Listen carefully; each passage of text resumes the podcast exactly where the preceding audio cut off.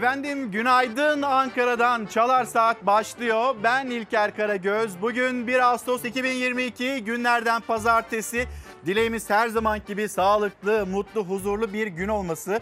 Yeni bir gün, yeni bir hafta ve yeni bir ay ve bakalım Ağustos ayı bizlere neler getirecek? Fox kameramanı Serhat Yağmur ve Akif Balıkçıoğlu şu anda başkentin, Türkiye Cumhuriyeti'nin başkentinin yeni güne nasıl başladığının görüntülerini ekranlarınıza yansıtıyor. Bizler sizlere Ankara'dan günaydın diyoruz ama aynı zamanda hem Ankara ekibimize hem de İstanbul ekibimize günaydınlarımızı iletelim. Ben Ankara'dan dilim döndüğünce Türkiye'nin gündemini aktarmaya gayret ederken İstanbul stüdyomuzda da Ayçe, Ayça Aybüke Kurt şu anda işaret diliyle size o haberleri ulaştırıyor olacak. Kendisine de bir günaydın diyeyim ve biz bugün olanlar ve olması gerekenler bunun üzerinden konuşmak istiyoruz Çalar Saat'te. Misafirlerimiz de olacak. Doktorlarımızın meselesini konuşacağız. Ama aynı zamanda ülkenin siyaset gündemine ve ekonomi gündemine de hep birlikte bakma imkanımız olacak. CHP Grup Başkan Vekili Engin Altay birazdan Çalar Saat'te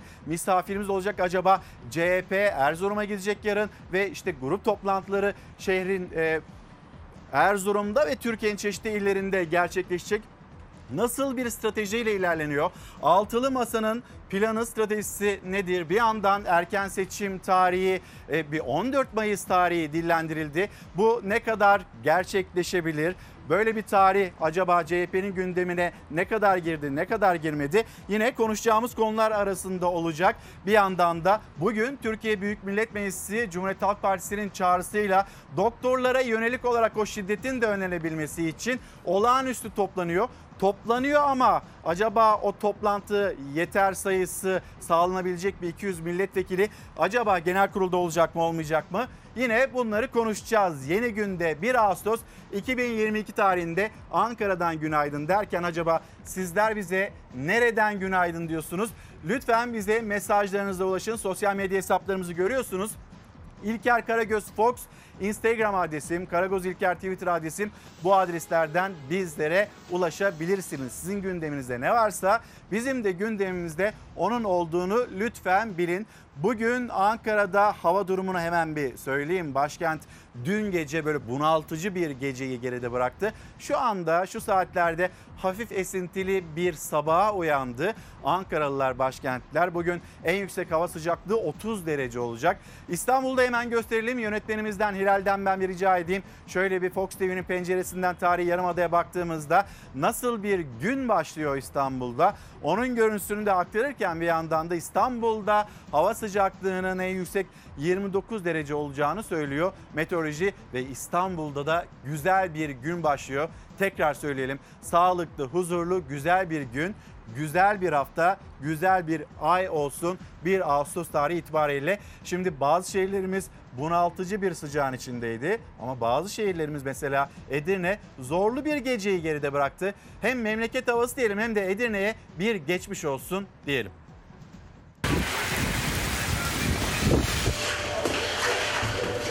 Bastı işte su her zaman olan bir şey. Vallahi bayağı bir battı yani. Her yer çamur içinde, su içinde. Meteoroloji sağanak yağış uyarısı yaptı ancak uyarı ev ve iş yerlerinin suyla dolmasını engelleyemedi. Yolda ya da evinde mahsur kalanların imdadına AFAD ekipleri yetişirken evini su basan insanların gözyaşları da sel oldu. Benim bütün geçmişim ya hepsi gitti mahvoldu orada. Edirne'de gece saatlerinde etkili olan sağanak yağış vatandaşa zor anlar yaşattı. O sırada dışarıda olanlar kapalı alanlara sığınmaya çalışırken araçlar yollarda güçlükle ilerledi. En çok da bodrum katında yaşayanlar ve dükkanı olan esnaf mağdur oldu. İş yeri suyla dolanların isyanları altyapıya karşıydı. Asfalt ata ata ata kaldırımlar kaldı dört parmak. Arabaların zaten geçen arabaların umurunda değil. Arabalar geçtikçe şelale gibi aşağıya iniyor. Yani bunun altyapısı yok ki. Bir, iki değil, üç değil yani. Abicim ya bu kadar da olmaz. Ben bodrum kattayım. Tamam iyi güzel de. Yani bodrum kat demek illa beni su basacak demek değil ki. Sağanak yağışa yolda yakalanan bir aile araçları çamura saplanınca mahsur kaldı. Bebekli aile AFAD ekipleri tarafından kurtarıldı. Jandarma ekiplerimiz bize ulaştı. Ee, daha sonra AFAD ekiplerimiz e, geldi. Konumuzu bulduğu için Ee, biz de yola çıktık onlara yardımcı olduk. Tekrar geldik Ee, eşim ve çocuklarım orada olduğu için tekrar kurtardılar. 95 yaşındaki babasıyla yaşayan Neslihan Çokilgin evlerine dolan suyla çaresizliğini böyle dile getirdi. Baktınız mı aşağıya? Her şeyim gitti. AFAD ekiplerinin yardım elini uzattığı Çokilgin ailesinin evi kullanılamayacak hale geldiği maddi manevi hasar oluştu. Geçen hafta lagorlar doluymuş. Buraları tıkalıymış. Asfalt dökülünce oradaki lagoru da kapamışlar. Temizleyemediler. Oğlum temizleyin bir yağmur yağarsa benim evim mahvolur dedi babam. Geldiler. Yine dolmuş. Baktım yağmurda yoktu. Sonradan bir baktım banyodan bütün eve mahvolmuş. Ne erzam kaldı, ne evim, ne yerim kaldı. Her yer gitti.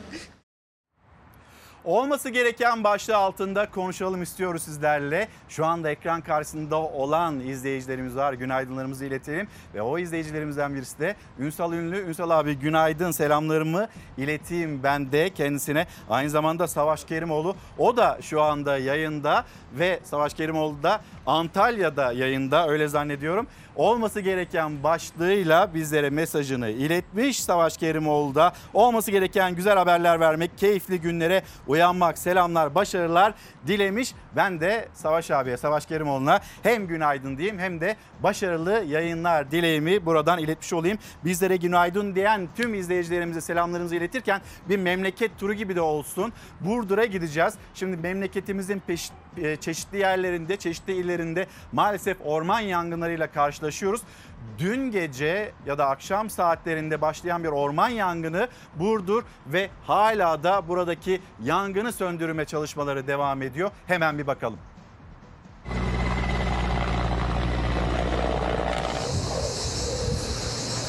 Burdur yanıyor. Dünden bu yana devam eden orman yangınına gece boyunca havadan ve karadan müdahale sürdü. Burdur'un Bucak ilçesinde ormanlık alanda dün çıkan yangına 10 uçak, 14 helikopter, 66 arazöz, 8 dozer, 360 personelle müdahale ediliyor. Bölgeye Antalya ve Isparta'dan da yardımcı ekip sevk edildi. Alevler rüzgarın etkisiyle yayıldı. Burdur Valisi Ali Arslantaş oluşturulan kriz merkezinde çalışmalar hakkında bilgi aldı, bölgede incelemelerde bulundu.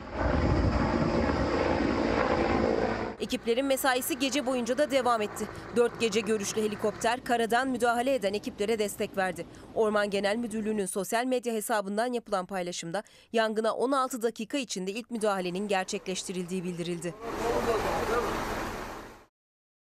Sıcak günde sıcak bir gelişme, bir son dakika gelişmesi onu da aktaralım.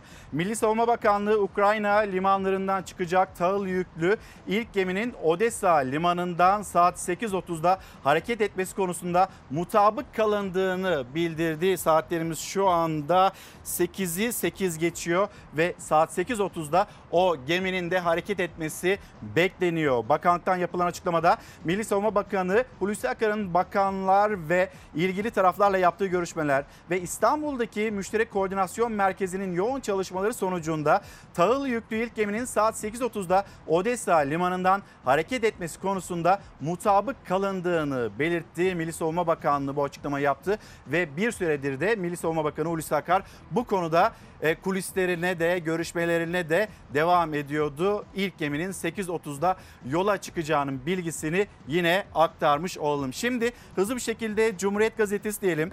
Cumhuriyet Gazetesi'nin manşetiyle birlikte de aslında yeni günün gazeteleri haberleri onlara da geçiş yapmış olalım. Merkez Bankası Başkanı Kavcıoğlu'ndan kayıt dışı para çıkışı. 500 milyar dolar nerede? Bir perde arkası haber Cumhuriyet Gazetesi'nin manşetinde yalan bile olsa başlık. Son günlerde sessizliğe gömülen Hazine ve Maliye Bakanı Nurettin Nebati'nin yokluğunda piyasalarla iletişimi devralan Merkez Bankası Başkanı Kavcıoğlu şirketlerin yurt dışında kayıtsız 500 milyar doları var deniyor. %90'ı yalan olsa, %10'u doğru olsa 50 milyar dolar bu paraları bozdurmalılar. Şirketlere yönelik bir çağrısı var. Yalnız Merkez Bankası Başkanı hani piyasayı yönetmesi ya da enflasyonu düşürmesi beklenen kişi öyle söyleniyor diyor ve zaten eleştiriler de kendisine bu yönden geliyor. 500 milyar dolar var deniliyor. %90'ı yalan olsa. Peki şirketlerin hani o mevduatları, kaynakları ya da dışarıdaki paralarıyla ilgili sizin elinizde bir veri var mı? Ekonomistler bunu soruyor. Devamını okuduğumuzda ekonomistler duyumlarla mı hareket edeceğiz? Böyle 500 milyar dolar gibi kahve ağzıyla rakam telaffuz etmek o makamın ciddiyetine uygun düşmez. Eğer bir rakam söyleniyorsa bunun kanıtlanması gerekir. Madem Merkez Bankası Başkanı'nın böyle bir bilgisi var ispatlasın tepkisini gösterdi. Geçtiğimiz günlerde de yine Merkez Bankası Başkanı e, Şahap Kavcıoğlu'nun bir açıklaması vardı. Hatırlayalım. Hani hatırlaya hatırlaya ilerleyelim. Son 10 günü çıkarırsak son bir ayda Türk lirası en az değer kaybeden para birimi demişti ve yine bu sözleri de çokça eleştirilmişti. Son 10 günü saymazsak iyiyiz aslında bir pembe tabloyu çizmişti. Şimdi yine Cumhuriyet Gazetesi'nden seçtiğimiz başka haberler var. Onlarla da devam edeceğiz. Ancak bir uyarıyla da devam edelim istiyoruz. Bayramdan sonra koronavirüs vakalarında bu sayılarda ciddi bir artış beklentisi vardı. Konunun uzmanları da zaten bu yönde uyarılar yapıyorlardı ve şimdi karşı karşıya kalmış olduğumuz tablo maalesef hani uzmanlar haklı çıktı. Uzmanların haksız olmasını, haksız çıkmasını isterdik. Onlar da böyle isterdi ama bu virüs hala ciddi bir şekilde salgının da devam ettiğini, virüsün de yayıldığını söylüyorlar. Biz de buradan uyarımızla ilerleyelim Çalar Saat'te. Maske takan nadir kişilerden birisiniz. Evet ben devamlı hiç çıkarmadan takıyorum. Ama bakıyorum etrafında kimse yok. Maskemi çıkarıp biraz hava alıyorum. Hem grip hem soğuk algınlığı belirti ve bulguları olan ve bütün aslında insanların test yaptırması lazım. Çünkü bunların COVID çıkma olasılığı çok yüksek. Kırgınlık ya da halsizlik diye geçiştirilen soğuk algınlığı zannedilen rahatsızlıkların neredeyse tamamı koronavirüs uzmanlara göre. Başta toplu ulaşım özellikle kapalı ortamlarda maske hala en önemli koruyucu ama zorunluluk yok diye takılmıyor artık. Oysa vaka sayılarında en hızlı artış dönemlerinden biri yaşanıyor. Sağlık Bakanlığı'nın paylaştığı son tabloya göre sadece bir haftada 138.892 vaka artışı yaşandı. Uzmanlara göre tespit edilemediği için tabloya yansımayan vakalar açıklananın çok üstünde. Bu kadar az teste rağmen önümüze çıkan bu tablo gerçekten e, büyük bir dalganın içinde olduğumuzu gösteriyor. Hastanelere gelmiyorlar. Evlerinde varsa hızlı test yapıyorlar. Kendileri bir şekilde idare etmeye çalışıyorlar. Onun için büyük bir kısmını yani neredeyse e, üçte ikisini aslında saptamıyoruz. Koronavirüs tablosuna göre 18-24 Temmuz arasında 365.424 kişinin testi pozitif çıktı. 157 kişi ise hayatını kaybetti. Test yaptırmadığı için tespit edilemeyen vakalarsa toplumun arasına karışarak virüs bulaştırmaya devam ediyor. Bizi tek koruyan şey ve maskenin birlikteliğiydi. Çok acil olarak maske, mesafe önlemlerine dönmemiz lazım. Özellikle toplu taşıma ve bütün uçuşlar. Uçak yolculukları, tren, otobüs yolculuklarındaki en önemli korunma maskeydi. Vallahi kimse takmıyor. Ben şimdi toplu taşımadan indim otobüsten. Ya çoğunda maske yoktu açıkçası. Virüs daha çok soğuk algınlığı ya da gribe benzer semptomlar gösteriyor. Hafif atlatanlar hapşırık, gözlerde sulanma, burun akıntısı, ses kısıklığı yaşarken daha ağır tabloda semptomlara öksürük, eklem kas ağrısı, ishal ve ateş ekleniyor. Test yaptırmadığı sürece koronavirüs hastası olarak kayıtlara geçemiyor vakalar. Üstelik artık aşılama da çok az. Uzmanlar kronik hastalığı olan belli gruplara dördüncü doz aşıyı önerse de üçüncü doz aşısını yaptıran kişi sayısı bile henüz 28 milyon civarında. Toplumdaki bağışıklık düştükçe yoğun bakımlarda yeniden dolmaya başlıyor. Önümüzde bir sonbahar var. Salgının kendiliğinden geçeceğini varsayıyoruz. Oysa hastane yatışları artmaya başladı. Acil servisler tıkanmaya başladı. Vakaların daha ağır seyrine tanıklık etmeye başladık ve yoğun bakımlar dolmaya ve yeni yoğun bakımların açılmasına ihtiyaç göstermeye başladı. Şöyle etrafımıza bir baktığımızda artık kimse maske takmıyor neredeyse. E, takmıyor tabii. Kapalıyı da takmak lazım. Dışarıda değil de havalında kapalıyı da takmak lazım. Metrobüste, otobüste. Bilmem ki devlet mi ben takmasın? Kendi bak nasıl takmışsın sen? Yani kendi kendimize takmamız lazım. Hümmet Bekkaya, Ercan Göktaş sizlere de günaydınlar. Çok teşekkür ederiz. Hoş bulduk. Ee, bir başka izleyicimiz Yeşim Hanım göndermiş olması gereken başlığı altında. Diyor ki söyler misiniz sağlık çalışanlarına indirimli şehir içi seyahat hakkı verilsin. Zeytinburnu'nda oturuyorduk. Malum kiralar uçtu. Biz de Pendik'e taşındık ama buradan da Cerrahpaşa'ya giden eşim geliş gidiş günlük 50 lira yol parası ödüyor. Eşim hasta bakıcı malum maaşı bizim hani sağlık çalışanlarının da tıpkı öğretmenler gibi, polisler gibi indirimli seyahat hakkı olsun önerisini getiriyor. Aslında haklı da bir öneri. Şimdi biz memleketimizde daha fazla ekonomiyi konuşuyoruz, hayat pahalılığını konuşuyoruz. Çarşı pazarda bir türlü ucuzlamayan o sebzeyi, meyveyi, her kalemde ürünü konuşuyoruz.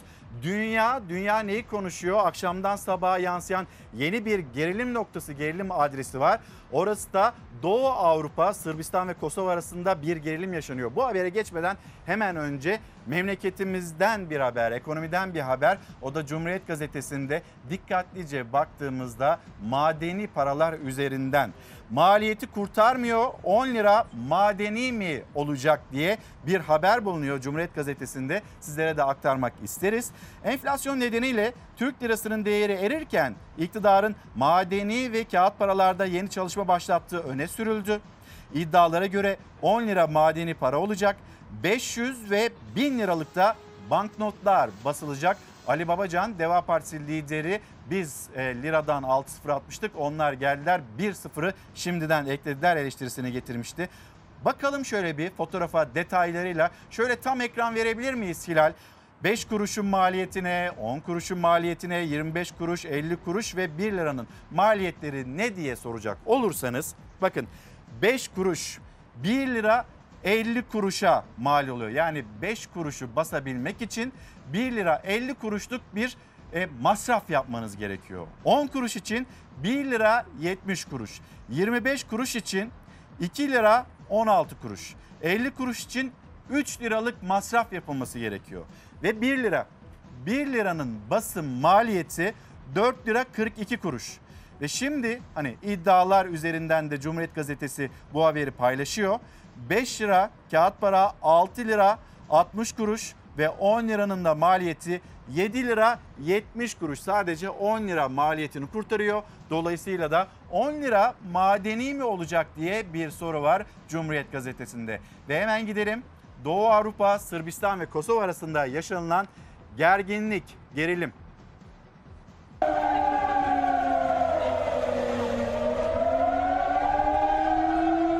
Sirenler çaldı, tansiyon yükseldi. Kosova hükümetinin Kosova'da yaşayan Sırbistan vatandaşlarına yönelik kimlik ve plaka tanımama kararı krize yol açtı. Hükümet uygulamanın bir ay ertelendiğini duyurdu. Dışişleri Bakanı Mevlüt Çavuşoğlu, Sırp ve Kosovalı mevkidaşlarıyla görüştü. Ülkeye girmek isteyen Sırbistan plakalı araçlara geçici plaka ve geçiş belgesi uygulaması başlatma kararı aldı Kosova hükümeti. Kosova'nın kuzeyinde yaşayan Sırbistan vatandaşları tepkilerini yollara barikat kurarak gösterdi. Siren sesleriyle protesto çağrısı yaptılar.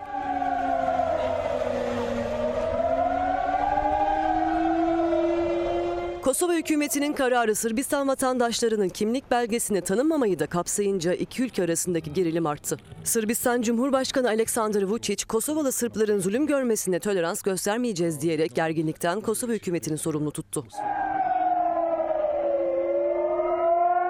Hükümetlerin karşılıklı suçlaması sonrası Dışişleri Bakanı Mevlüt Çavuşoğlu gerilimi azaltmak adına mevkidaşlarıyla görüştü. Detayları sosyal medya hesabından paylaştı. Sırbistan-Kosova sınırındaki gerilim nedeniyle Sırp ve Kosovalı mevkidaşlarımla görüştüm. Türkiye, Balkanların barış ve istikrarına her zaman önem vermektedir. Yeni gerilimlerin kimseye faydası olmaz. Gerilimi azaltmak için üzerimize düşeni yapmaya hazırız. Sırbistan'ın 2008'de tek taraflı bağımsızlığını ilan eden Kosova üzerinde hala hak iddia etmesi gerilimin en büyük kaynağı olarak gösterilirken Kosova hükümeti kuzeyde tansiyonu düşürmek için kararın bir ay ertelendiğini duyurdu.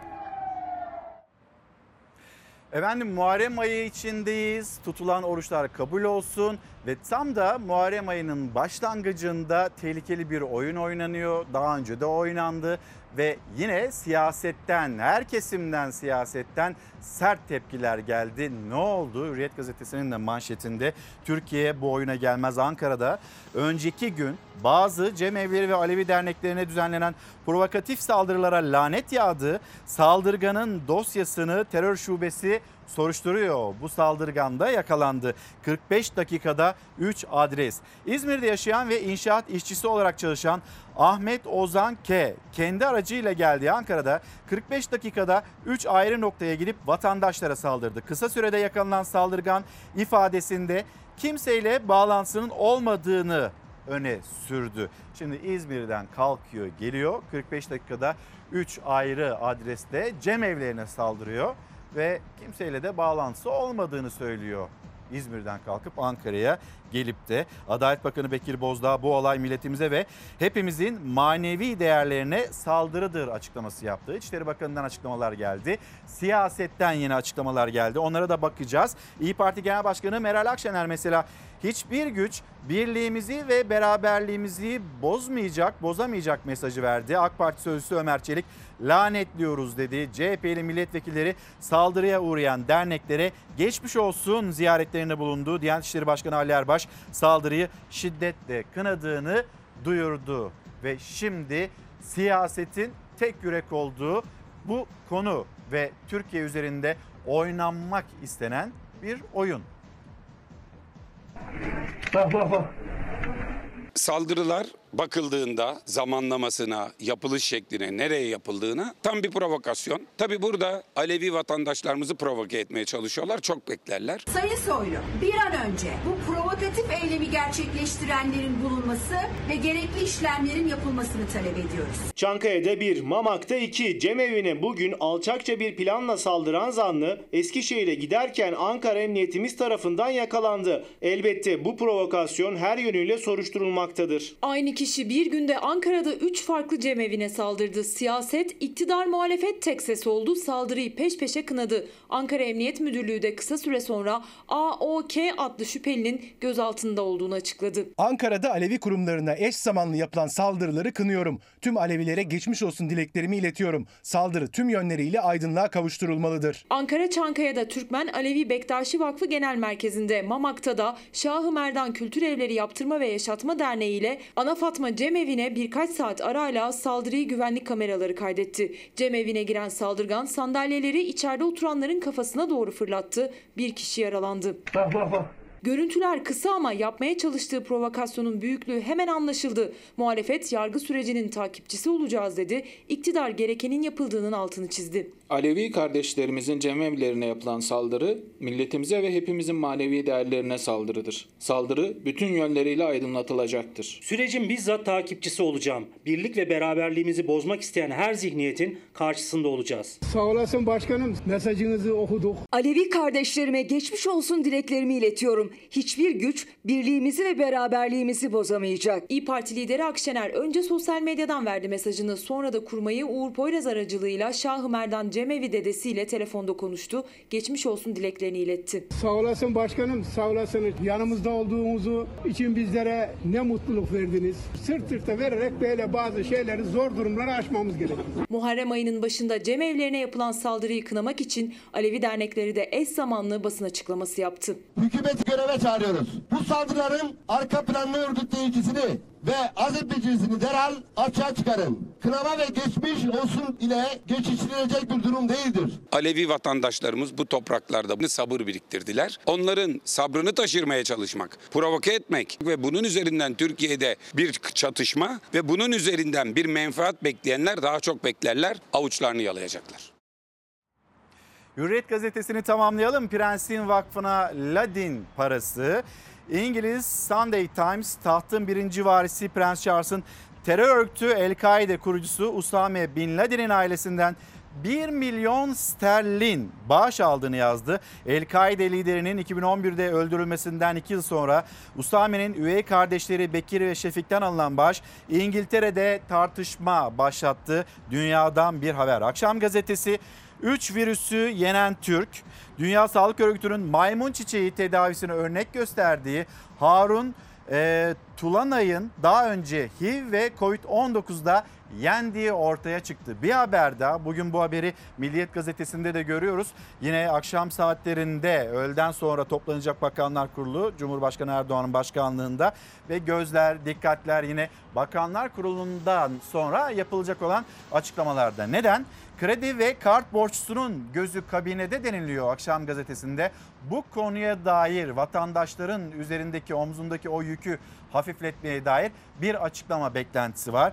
Başkan Erdoğan'ın dar gelirliye nefes aldıracak düzenlemeyi açıklaması bekleniyor. Kabine bugün Erdoğan'ın başkanlığında Beştepe'de toplanacak. Gündemde dar gelirlinin takipteki borçlarıyla ilgili bir düzenleme var. Erdoğan yeniden yapılandırma dahil bir dizi kolaylık getirmesi, getirilmesi beklenen o düzenleme ile ilgili bir açıklama yapacak mı, yapmayacak mı? Bizler de dikkatle takip edeceğiz. Eğer ana haber e, bültenimiz sırasına denk gelirse yarın sabah Çalar Saat'te tüm detaylarıyla burada nasıl bir adım atıldığı ya da atılacak onun bilgilerini aktaracağız. Birazdan CHP Grup Başkan Vekili Engin Altay bizim burada Çalar Saat'te misafirimiz olacak. CHP'nin çağrısıyla Türkiye Büyük Millet Meclisi bugün olağanüstü toplanabilecek mi? Yine konuşacağımız konulardan bir tanesi bu kendisiyle sağlık çalışanlarına yönelik şiddetin önlenmesiyle ilgili bir düzenleme istiyor. O düzenleme neyi içeriyor? CHP'nin düzenlemesi neyi getiriyor? Aritmetikler ne söylüyor? Acaba bu toplantı gerçekleşebilecek mi? Bunu konuşacağız. Aynı zamanda bir erken seçim ya da Haziran deniliyor. 2023'e kaldı gibi gözüküyor da hani Mayıs'ta mı olacak, Nisan'da mı olacak, ne zaman olacak bu erken seçim, nasıl bir seçim atmosferi bizleri bekliyor? Yine bunu konuşacağız. Sokağa çıktığında siyasetçi mesela. Vatandaş kendisine neyi söylüyor, esnaf kendisine neyi söylüyor? Yine bunu konuşacağız konuğumuzda. İyi Parti lideri Meral Akşener de yani memleket turuna devam ederken bir yandan da sosyal medyayı, sosyal medya mecrasını boş bırakmıyor. Dün takipçileriyle Meral Akşener e, Instagram üzerinden buluştu. Bana sorular sorabilirsiniz dedi. Kendisiyle ilgili bilinmeyenlerle ilgili hani bazı bilgileri de paylaşırken bir yandan da 13. Cumhurbaşkanı kim olsun istiyorsunuz diye bir soru yöneltildi Meral Akşener'e ve Akşener'in cevabı bakın ne oldu.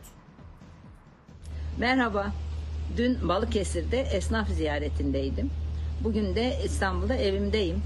Dedim ki takipçilerime, sizlere zaman ayırayım. Sorularınızı bekliyorum. Sorularınızı bekliyorum dedi. Akşener'in sosyal medya hesabına soru yağdı. Göçmen politikasını da soran oldu. Kıyafetlerini kimin seçtiğini de. Gönlünden geçen 13. Cumhurbaşkanının kim olduğu da soruldu. Siz şimdi Sayın Erdoğan'ın sinirini niye bozuyorsunuz? Yapmam, ona göre oy ver. AK Parti ile ittifak yapacak mısınız sorusuna yapmam diye cevap verdi Akşener. Başbakan olunca yapacağı ilk icraat içinse yanıtı netti. İstanbul Sözleşmesi'ni imzalamak olacak. Her şehri gezdik, ikinci kere her şehri gezmeye devam edeceğiz. İnancımdan buluyorum çünkü e, bu ülkeden aldım. Sizin için geri ödemeye çalışıyorum. Eh bu arada birazcık da marazadan besleniyor. Sadece seçim süreci, parti politikası, siyasi tavrı değildi hakkında merak edilen. Çok daha kişisel sorulara da cevap verdi Akşener. En sevdiği yemek, favori makyaj malzemesi, sinirlenince tepkisi, hatta burcu. Domatesli pilav çok da güzel yaparım. Evet yaptırıyorum. Ee, yaşıma uygun krem kullanıyorum. Yengeç, yükselenim de yay. Kendim seçiyorum, diktiriyorum. Ee, dolayısıyla e, daha işte formal bir e, giyim tarzım var. Efendim? Bir izleyicimiz Urfa Siverek'ten yazmış. Siverek ilçesinde e, elektrik kesintilerinden söz ediyor. Lütfen bunu da gündeme getirin diyor. Halk perişan günde 8 saat elektriksiz yaşıyoruz diye bir mesajı paylaşıyor. Bir gün gazetesi manşeti gençliğin parası vakıflara akmış.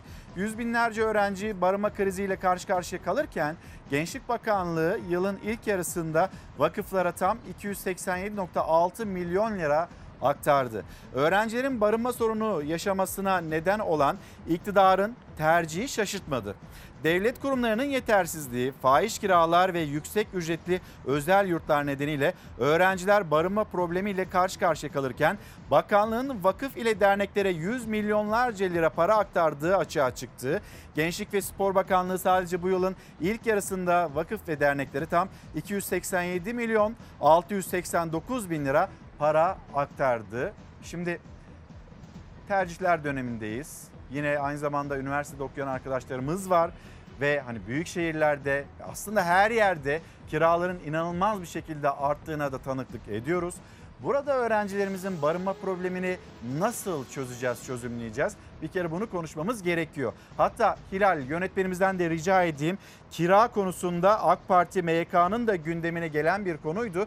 Kira konusunda AK Partili vekiller de şikayetleri aldı ve partinin en üst organlarından birisinde MYK'da gündeme getirdi. Sıradaki haberimiz olsun Hilal sana zahmet. Yüz binlerce öğrencinin barınma sorununu çözmeyen bakanlığın 36 adet stadyum projesinin maliyeti de 5 milyar 162 milyon lira oldu. Eğitim Sen'den Zehra Kulalı Gezici, Ensar, Türgev ve TÜGVA gibi vakıflara para aktarıldığına vurgu yaptı. Piyasalaşan eğitimde gelinen nokta öğrencileri özel yurtlara mahkum etti ki özel yurtların fiyatları da inanılmaz zamlandı. Şimdi aileler bir yandan evlatlarının o üniversiteyi kazanmasının gururunu yaşıyor. Diğer yandan da tamam da ben evladımı kendi kazancımla bu hayat pahalılığı içinde acaba nasıl okutacağım uygun şekilde ya da hani zora da düşmeden ona da zorluğu yaşatmadan acaba nasıl okutacağım bunun derdinde. Böyle düşünen izleyicilerimiz varsa lütfen bizlere olması gereken başlığı altında sosyal medya hesaplarımızı şimdi bir kez daha ekranlarınıza yansıtıyoruz. Lütfen bir yazıp gönderir misiniz? Karşınızda 3 aşağı 5 yukarı nasıl bir maliyet çıkıyor? Bunun bilgisini de bizimle paylaşırsanız çok seviniriz. Bir gün gazetesinin manşet haberi bu şekildeydi. Diğer haberlere geçmeden önce hemen kira konusunda AK Parti içinden de yükselen o şikayeti dillendirmiş olalım. Ev kiraları aldı başını gidiyor. Ben Güngören'de oturuyorum Haznadar kesiminde ama sanayisine geçtiğinde 4'ten 5'ten aşağı yok. Oturduğum semte de gelince 6, 7 giriyor öyle. Bizim oturduğumuz sitede 8 bin şu anda. Daha önce ne kadardı? 1.750. Çok yakın bir zamanda. Ee, önce 5 istemeye başladılar. Sonra 6, sonra 7, sonra 8. Fahiş kira artışları durmuyor. Büyük şehirlerde özellikle İstanbul'da ev alabilmek bir yana artık kiracı olmak bile çok zor. Türkiye'nin en büyük sorunlarından biri haline geldi barınma. Sorun Cumhurbaşkanı Erdoğan başkanlığındaki son AK Parti MYK toplantısında da gündeme geldi. Bazı AK Parti yöneticileri yoğun olarak yüksek ev fiyatları ve kira artışlarından şikayet alıyoruz diyerek sorunu dile getirdi. Dar gelirlilerin konut sahibi olmaları bugünkü piyasa şartlarında zorlaştı. Hem kiralar hem de ev fiyatları ile ilgili yeni önlemler alınması gerekiyor. İstanbul, Ankara, İzmir, Antalya gibi kalabalık şehirlerde üniversitelerinde açılması ile birlikte konut sıkıntısı artabilir. Geçtiğimiz ay yürürlüğe giren yeni düzenlemeye rağmen bazı ev sahipleri kiracılardan yasal olarak belirlenen %25 zam oranının da çok daha üzerinde zam talep ediyor kiracılardan. Hatta enflasyonun üzerinde zam yapmış olmasına rağmen yıl içinde ikinci zammı isteyen ev sahipleri de var. İtiraz eden kiracılara ise ev sahipleri ya evden çık ya da yasal oranın üzerindeki bu zammı kabul et baskısı yapıyor. Şu anda tekrardan %100'ün üzerinde kiralar artmış durumda. Mesela 1,5 olan kiraları 4-5 bin liraya kadar çıkarttılar. Aynı bizim oturduğumuz sitede de geçerli bunlar. Nerede oturuyorsun? Çorlu'da. Evleneceğim. Ee, düğün arifesindeyim ama çok bağlı. Ev bulabildiniz mi? Hayır. Arıyorsunuz. arıyoruz. Ne kadar zamandır arıyorsunuz? Ararken ne yaşıyorsunuz? Yaklaşık 3 aydır falan bakıyoruz. Maaşlar yetmiyor. Çok zor bulamıyoruz. Ne yeni evlenecek çiftler kiralık bir ev bulabiliyor ne taşınmak zorunda olan kiracılar ne de öğrenciler. Türkiye genelinde kiralar son bir yılda %150'den fazla arttı. İstanbul gibi bazı büyük şehirlerde artış %300 aştı. Biz de yeni ev kiraladık. Birkaç ay oldu Halkalı'da 5 bin liraya. Yani 2 bin lira verirken 5 bin lira verdik. Şimdi aynı ev 8 bin lira olmuş. Türkiye gazetesine göre AK Parti MYK üyeleri de sık sık karşı karşıya kaldıkları bu sorunları iletti Erdoğan'a. Çünkü son aylardaki düzenlemeler yüksek konut fiyatlarının ya da fahiş kira artışının önüne geçmeye yetmedi. Sadece bir odadan oluşan stüdyo dairelerin bile kiraları 4 bin liradan başlıyor İstanbul'da. 28 bin liraya kadar çıkıyor. Anadolu yakasında ailelerin yaşayabileceği 2 artı 1 ya da 3 artı 1 ortalama bir dairenin kirası ise asgari ücretin üstünde. Aldığımız zaten asgari ücretin bir tık üstü.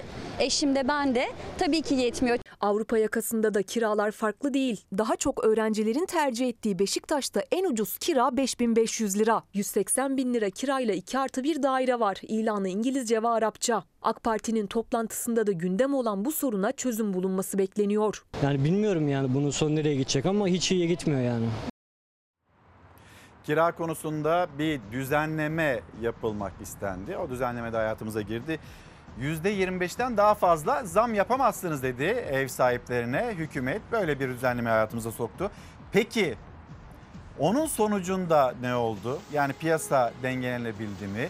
Kiracılar böyle oh be biraz böyle nefes alabildik dediler mi? İşte rakamları görüyorsunuz. Öğrenciler için aileler, anne babalar kaygılı. E bir yandan da böyle daha ucuz semtlere bir göç başladı. Az önce bir izleyicimiz Zeytinburnu'nda oturuyorduk.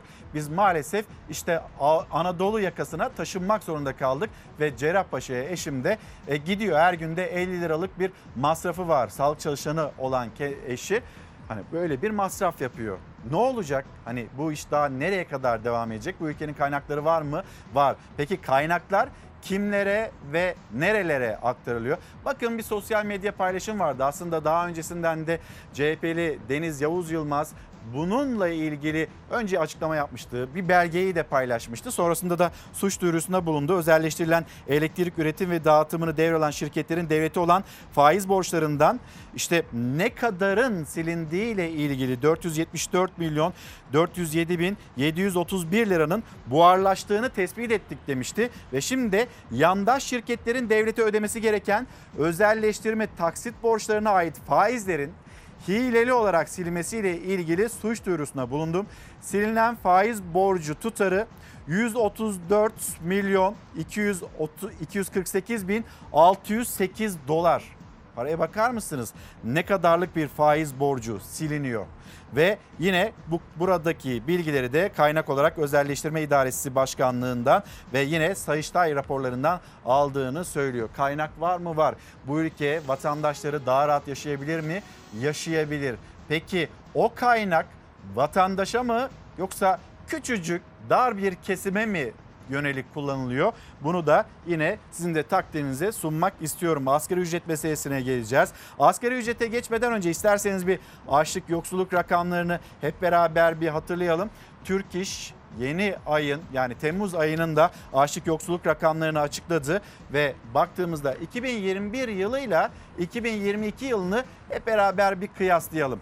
Rakamlar hani biz yoklukla ilgili bir mücadele yaşarken artık açlığı konuşuyoruz diyen izleyicilerimiz de var. Onların da mesajını burada iletmiş olayım. Açlık sınırı Temmuz 2021'de ne kadardı? Yine Türk İş'in verileri 2994 liraydı. Bir yılda gelmiş olduğumuz yer 3 katı Temmuz 2022'de 6840 lira. Asgari ücret ne kadar diye soracak olursanız ki ben bu verileri de dün Cumhuriyet Gazetesi'nden almıştım. Asgari ücrette 5500 lira yapılan son zamla. Yoksulluk sınırı Temmuz 2021'de 9752 liraydı. Temmuz 2022'de 22000 279 liraya yükseldi. Bu rakamlara baktığında Çalışma Bakanı Vedat Bilgin öyle şey olur mu? O zaman bu ülkede pek çok kişi yoksul, yoksulluğu yaşıyor demişti. Evet bu ülkede pek çok kişi o yoksullukla mücadele ediyor. Bir şey alırken bir kez değil beş kez düşünüyor. Markete giderken ya da o raflara elini uzatırken ürünlere eli titriyor. Kasaya zaten hiç gitmek bile istemiyor. Kasaya gittiğinde eskiden 100 liraya aldığını şimdi 300 liraya alıyor. Çünkü açlık sınırına, yoksulluk sınırına baktığımızda her şeyin bir yılda %300 oranında zamlandığını yine bizler görüyoruz. TÜİK öyle söylemiyor. TÜİK'in enflasyon verilerine baktığımızda %78'lik bir enflasyon karşımıza çıkıyor. Bakalım Ağustos ayı enflasyon rakamları hani Ağustos'un 3'ünde Temmuz ayı enflasyon rakamları nasıl açıklanacak? Nasıl bir rakam karşımıza çıkacak? Acaba %78'in üstüne mi çıkar, altına mı düşer? Merkez Bankası'nın son enflasyon tahmini yıl sonu için %60'lara vardı. Hatırlar mısınız 2022 yılı için Merkez Bankası'nın enflasyon beklentisi neydi? Ya da orta vadeli programda enflasyon beklentisi neydi? %60'lardan söz ediliyor Merkez Bankası. %78 diyor TÜİK. Vatandaş biz %200'leri yaşıyoruz derken beklenti %5'ti. 5. Tek hane. Ama şimdi yaşadığımız bambaşka. Peki bu asgari ücret ne olacak? Daha ilk böyle yapılan zamdan sonra daha ilk ayda asgari ücret açlık sınırının altında kaldı. Çalışma Bakanı'ndan yeni bir açıklama var. Önümüzdeki yıl sonu itibariyle bu bahsettiğimiz sorunların daha da hafifle, hafifleyeceğini tahmin ediyoruz, öngörüyoruz. Ama bütün bunlara rağmen ortaya çıkan olumsuz şartlara karşı emekçilerimizi korumaya devam edeceğiz. Dün Sayın Genel Başkan'la e, yönetimle beraber çalışanlarımızın, emekçilerimizin asgari ücretinde yıl başında yaptığımız yüzde ellinin üzerine yüzde otuz zam yapmıştık. Kümülatif olarak yüzde doksan üzerinde olan bu zammın enflasyon karşısındaki dayanıksızlığını bilerek konuşuyoruz. Yıl sonunda da bunu dikkate alarak yeni bir düzenleme yapacağız ve emekçilerimizi ne enflasyona ne de sermayenin baskısına karşı öldüreceğiz. Elbette ki Türkiye'nin büyümeye, kalkınmaya, yatırmaya ihtiyacı var, sermaye ihtiyacı var. Burada sermaye düşmanlığı yapmıyoruz ama sermayenin emek düşmanlığı yapmasının karşısında olacağız. Onu belirtiyorum. Bu devletin bu devletin sosyal sorumluluğudur. Sosyal devletin görevidir. Hükümet kiralara en fazla %25 zam yapılabilir diyor. Peki kamu kiraları tefe tüfe burada %50 civarında bir artıştan söz edildiğini yine hatırlatalım. Bir son dakika bilgisi geldi. LGS 1. nakil sonuçları açıklandı diye hemen bir bakalım o son dakika gelişmesine de sizlerle de paylaşma imkanımız olsun. Milletin Bakanlığı'nca LGS kapsamında yerleştirmeye esas Birinci nakil sonuçları açıklandı. Sonuçlar e, map.gov.tr ve yine sonuç.map.gov.tr adreslerinden erişime açıldı. Burada kuşkusuz dikkatle takip eden arkadaşlarımız, anne babaları vardır. LGS birinci nakil sonuçları açıklandı. Şimdi reklamlara gitmeden hemen önce ben izindeyken gelen pek çok kitap vardı. Hemen o kitaplardan birkaçını göstereyim size. Öyle reklamlara gidelim. Melih Uslu Doğu Seyahatnamesi hemen şöyle bir göstereyim sizlere. Mecit Ömür Öztürk Derviş'in Teselli koleksiyonu klasik metinlerle iyileşme. İade itibar itaat etmeyenlerin hikayesi Ezgi Can Kurtaran tarafından yazılan bir kitap bizimle de paylaşıldı. Nait Sırrı Örik eski zaman kadınları arasında hemen bu kitabımızda göstereyim ben size. Sonrasında hızlı bir şekilde reklamlara gidelim. Döndüğümüzde misafirimiz de olacak. Sizleri de bekliyoruz Çalar Saat'te. Dönüşte buluşalım. Efendim bir kez daha günaydın. Çalar Saat devam ediyor. Az önce de söylemiş olduğum üzere misafirimiz, konuğumuz geldi. CHP Grup Başkan Vekili Engin Altay şu anda Ankara'da Çalar Saat'in konuğu. Efendim günaydın. Günaydın. Hoş geldiniz. İyi Nasılsınız? yayınlar, hoş bulduk. Nasıl geçiyor yaz? Ankara sıcak, Türkiye sıcak. İnşallah yeni orman yangınlarıyla Bugün de karşı karşıya İnşallah. kalmayız diyelim. İnşallah. Bugün de sıcak bir gün olacak mı acaba mecliste? Ee, sıcak bir gün olacağını zannetmiyorum. Ee, çünkü AK Parti ve MHP'nin e, bir olumsuz tutumu var toplanmayla ilgili. Ee, göreceğiz. Şimdi bu çağrınızı isterseniz Heh, oradan e, başlatalım. Sağlık çalışanlarına yönelik olarak bir şiddet var. Var. Bu yaşanıyor. Hatta bununla ilgili haberimiz de var Hilal. Haberimizi önce paylaşalım sonrasında da konuşalım. CHP acaba niçin böyle bir çağrı yaptı ve bu çağrıların içinde nasıl bir düzenleme, nasıl bir teklif var? Sonrasında da onu konuşalım.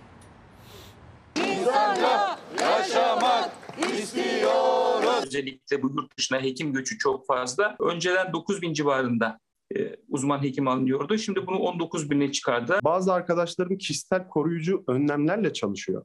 Bunlar içinde biber gazı, dolaplarında taşıdıkları başka şeyler. Biz kendimizi korumak zorunda olan bir tarafta değiliz.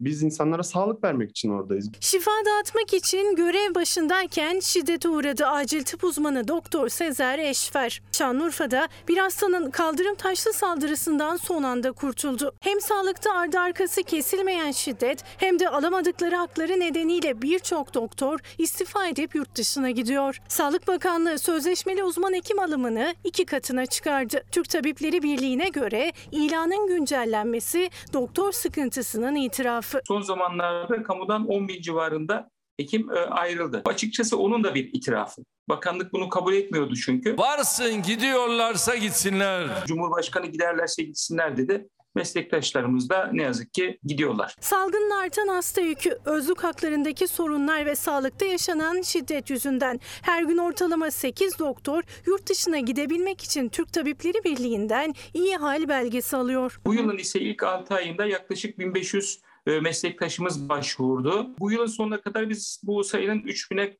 kadar ulaşacağını tahmin ediyoruz. Sadece yaşamak istiyoruz, rahatça çalışmak istiyoruz, rahatça sağlık dağıtmak istiyoruz. 11 yıllık hekim acil tıp uzmanı Sezer Eşver Şanlıurfa Eğitim ve Araştırma Hastanesi'nde nöbetteyken ölümden döndü. Ben de biraz zorlu bir hasta olduğu için bu hastayı ben devraldım. Kendim e, hatta özellikle ilgilendim. Gözünün kirpikleri yapışıktı o maddeyle. Onları temizledim. Daha sonra gözüne damla damlattım. İddiaya göre tedaviyi beğenmeyen hasta tehditler savurmaya başlayınca dışarı çıkartıldı ama bu kez kaldırım taşıyla acil servisi bastı. Bekleme salonunda dışarıdan gidip kaldırım taşını kırıp alıp ya da bir yerden bulup e, içeri geliyor. Beni öldüreceğini söyleyerek başka bir müşahede alanı dediğimiz alana giriyor ve orada beni arıyor taşı atmak için. Beraber nöbet tuttuğumuz başhekim yardımcımız e, kişiye engel olmaya çalışıyor. Eğer ben gelmeyeceksem onu öldüreceğini söylüyor. Beyaz kod verilen olay sonrası saldırgan gözaltına alınsa da ilk sorgusunun ardından serbest bırakıldı. Doktor Sezer Eşver'in sesini sosyal medyadan duyurmasıyla birlikte tekrar gözaltına alındı. Bu kez tutuklanarak cezaevine gönderildi. Bu bir günlük bir hadise değil benim için. Bir şeye tepki vermemiz gerekiyordu. Belki hepimiz ışığı böyle yakacağız. Aslında bu benim sesimle değil, bu hepimizin sesi. Hekimlere ve meslek örgütlerine göre sağlıkta şiddet son bulmadıkça ve sağlıkçıların hak arayışı devam ettikçe başta uzman hekim açığı olmak üzere hastanelerdeki sıkıntılar daha da büyüyecek. Sağlıkta ciddi ve daha etkin bir şiddet yasasına ihtiyacımız var. Sağlıkta şu an bir e, çöküş noktasında sağlık hizmetleri veya sağlık sistemi Efendim doktorlarımız sadece yaşamak istiyoruz diyor. Bir yandan özlük haklarını istiyor. Haberin Evet. içinde vardı. Son 6 ayda 1500 doktor İHAL belgesi için başvuruda bulunuyor. Yani gidiyorlar. Gidiyorlar. Ve sizin de bir çağrınız var. Olağanüstü meclisi toplantıya çağırdınız. Buyurun. Evet. Şimdi önce şunu söyleyeyim. Yani sağlık çalışanlarımızla ilgili özellikle Covid e, sürecinde herkes hep birlikte iktidarı muhalefeti alkışlıyoruz dedik. Size gönül vefa şükran borcumuz var dedik. Hakkınızı ödeyemeyiz dedik. Biz de dedik iktidar da dedi hakikaten Erdoğan ödeyemeyiz, ödeyemeyiz derken ödemeyeceğiz anlamında ödemeyiz demiş. Bunu görüyoruz. Nitekim 12 Mayıs 2022'de yani geç 3 ay önce 4 ay önce sağlık çalışanları ile ilgili mecliste bir düzenleme yapıldı. Hem e, 7406 sayılı TCK'da hem de sağlıkla ilgili kimi kanunlarda düzenlemeler yapıldı. Sağlık çalışanlarına yönelik şiddet eylemleriyle ilgili kimi cezalarda kısmi kısmi artırımlara da gidildi. Ama ben geçen 20 e, Temmuz'da Türkiye Büyük Millet Meclisi'nde Türk Tabipleri Birliği Başkanı başta olmak üzere Başkan Yardımcısı, Aile Hekimleri, Hemşireler Derneği, e, sendikalar, sağlık çalışanlarının sendikaları, e, Ankara Tabip Odası Başkanı dahil çok sayıda sağlık çalışanlarının temsilcileriyle 3 saatlik bir toplantı yaptık. Onlar da şunu söylüyor. Bu şiddetin kaynağı aslında sistemin kendisi. Yani bir doktora 5 dakikada bir hastayı muayene edeceksin derseniz 5 dakikayla onu sınırlandırırsanız tıp bilimine aykırı 20 dakikadan aşağı bir muayenenin olması zaten. Dişi ağrıyan birisi ne 15 gün sonra sen 15 gün sonra gel 15 gün daha ağrını çek derseniz bu olmaz. Per, bu performans sistemiyle bu olmaz. Biraz önce Ulu Eskor dinledik. Erişim. Burada bulunduğumuz mahallede bir hasta randevu sistemine giriyor. Ankara Çankaya'da. Bu hastaya ne deniyor biliyor musunuz? Haymana Devlet Hastanesi'nde yarın saat 9'da randevu. Bu olabilir mi? Ankara'yı bilen bilir, bilmeyen anlasın diye söyleyeyim. Haymana Ankara'ya 60 kilometre uzakta bir yer yani. Polat diye randevu veriliyor. Ve sevk zinciri e, fevkalade yanlış, olumsuz. İş yeri dokunulmazlığı yok, işçi sağlığı, iş güvenliği yok. Bir de SGK'nın yüksek fiyatlandırması var. Hasta gidiyor, bir şeyler yapıyor, yapılıyor hastaya. Önüne bir fatura geliyor, şok oluyor. Ama bütün bunlar aile hekimlerinin güvenlik açığı var. Bir mahalle arasında aile hekimi var. Güvenlik hak getire. E, Türkiye'de sağlık çalışanlarına yönelik şiddet, öldürme, kasten yaralama, vücut dokunulmazlığına müdahale, sözlü hakaret. Şimdi bakın bu sözlü hakaretler için kimse beyaz koda girmiyor. Bu da doğru değil. Yani fiziki şiddet kadar sözlü hakaret de artık kabul edilemez. Yani aynı şey hemen hemen. Böyle bir tabloda e, biz Türk Tabipleri Birliği ve sağlık çalışanlarının bütün taraflarıyla İki konuda mütabakata var. Bakın şu anda mesela Ambulans. bir ambulans Evet. trafiği böyle aça aça Evet. bir hastayı hastaneye ulaştırmaya Evet. çalışıyor. Büyük bir mücadele e, sergiliyor. onlar. Gerçekten e, işte biraz önce Urfa'da olmuş, ondan önce Mersin'deydi. Sayın Genel Başkanımızın Konya'da Doktor, Doktor Ekrem Karakaya ile Karakaya'nın ölümüyle sonuçlanan silahlı saldırıdan sonra e, bardağın taştığı çok açık. O Konya'daki saldırı bizim açımızdan da yeter artık. Bu konu e, 12 Mayıs'taki düzenlemeyle e, çözülmediği ortaya çıktı noktasında Sayın Genel Başkanımız e, kamuoyuna bir paylaşımda bulundu. Bu konuda meclis toplanmalıdır. Biz bunun gereğini yaptık. Hiçbir siyasi partiyle de önceden görüşmedik. Şöyle yapmamız doğru değildi. Yani biz bugün işte İyi Parti ile HDP ile mecliste grubu bulunmayan diğer partilerle konuşup AK Parti ve MHP'den ayrı olarak bir organizasyona, bir çağrı organizasyonuna girseydik biz bunu siyasallaştırmış olurduk. Bunu istemedik. Bunu doğru bulmuyoruz. Biz bu konudan zerre siyasi e, rant, e, çıkarım beklemiyoruz. Bir şey var. Bu konunun çözülmesi lazım. Bunun çözümünün e, sadece Türk Ceza Kanunu'ndaki bazı sağlık çalışanlarına yönelik şiddet vesaire öldürme girişimi, sözlü hakaret bunların cezalarının artmasının da meseleyi çözmeyeceği çok açık. İki şey yapacağız. Bir, sistemi oturup konuşmamız lazım. Bu sistem yanlış bir sağlıkta dönüşüm sisteminden derhal vazgeçilmesi lazım. İkincisi şüphesiz caydırıcılık bakımından da bazı önlemlere ihtiyaç var. Bakın bu bunu göstermek istiyorum. Alayım efendim ben göstereyim onu. Bu bir kamu spotu. Evet. Bu kamu spotu e, bu e, Avustralya'da o vatandaş cezaevinde orası bir cezaevi diyor ki eğer sağlık çalışanlarına, doktorlara, hemşirelere ve sağlık çalışanlarına şiddet sizin için normalse bunu normal görüyorsunuz. Size bunu düşünmeniz için 14 yıl süre veriyoruz. diyor. 14. İşte Türkiye'nin ihtiyacı olan bu. Bunu yapacağız. Yapmak zorundayız. Yani sağ adam doktora hakaret ediyor. Doktora şiddette bulunuyor. Sözlü hakarette bulunuyor. Öldürebiliyor. Silah kullanabiliyor. Tablo ortada. E, silahla hastaneye Silahla girebiliyor. hastaneye girebiliyor. Efendim X-ray koyalım. X-ray falan çözüm değil. Bu. Çözüm bu. Avustralya bunu yapmış. Eğer diyor doktora, hemşireye, sağlık çalışanına saldırıyı normal görüyorsanız bunu tekrar düşünmeniz için size 14 yıl veriyoruz. Böyle bakabilmemiz lazım. Ee, Peki burada hani tabii sizin bu çağrınızın nesi ne- nezaketsizlik olarak algılandı, yorumlandı? biz AK e, Parti cephesinde. E biz şunu yapsak doğru değil. AK Parti arayacağız diyeceğiz ki ya bir toplanalım mı? MHP arayacağız diyeceğiz bir toplanalım mı? HDP arayacağız bir toplanalım mı? Efendim İyi Parti arayacağız bir toplanalım mı? Ön is arkadaş ortada bir sorun var. Türkiye'de sorunların tek çözüm merci işte orada bulunan Türkiye Büyük Millet Meclisi. Bunu yarın başka bir siyasi parti başka bir konuda meclisi toplantıya çağırsa AK Parti dahil buna MHP dahil konu ciddiyse biz gideriz. Vay efendim önceden bize niye sormadınız demeyiz. Doğru bulmayız bunu. İlaveten dediğim gibi biz bunu siyasallaştırmak istemiyoruz. Yani Konya'da doktor Ekrem Karakaya hastanede vurularak öldürüldü. Peşine Mersin'de, peşine biraz önce ben atlamışım Urfa'da bir doktorumuz e, darba maruz kalmış. Ve Burası- sosyal medya üzerinden yazdıktan sonra tutuklandı o Evet, darp yani kişi. o konu işte ayrı bir konu için diyorum ki sistemi masaya yatırmamız bugün hem genel görüşme istedik hem Türk Tabipleri Birliği'nin yani sağlık çalışanlarının tümüyle onların hazırladığı tümüyle bakın çok net söylüyorum. Biz o toplantıda ben Sayın Başkan'a ve oradaki heyete dedim ki arkadaşlar sorunu yaşayan sizsiniz. Meselenin sahibi sizsiniz. Bize bu konuda bir paket küçük kısa ama şunun gibi bir paketle gelin biz bunu kanun tekniği bakımından uygun bir norma formata getireceğiz. Biz bunu vereceğiz. Kanun teklifi olarak. Kimler geliyor, kimler gelmiyor? E, bugün mü? Evet. E, e, henüz bilmiyoruz. Yani sonra saat 3'e kadar her şey mümkün. Yani bu kadar doktor, bu kadar hemşire, bu kadar teknik kadro, sağlık çalışanlarının gözü şu anda Türkiye Büyük Millet Meclisi'nde. Biz bugün sadece onların bize getirdiği 6-7 maddelik e, kanun teklifini e, görüşelim diye, bunu geçirelim diye meclisi çağırmadık. Bir genel görüşme önerimiz var. Üç grup başkan vekiliyle birlikte verdiğimiz yani Özgür Özel, Engin Özkoç ve benim imzamla verilen.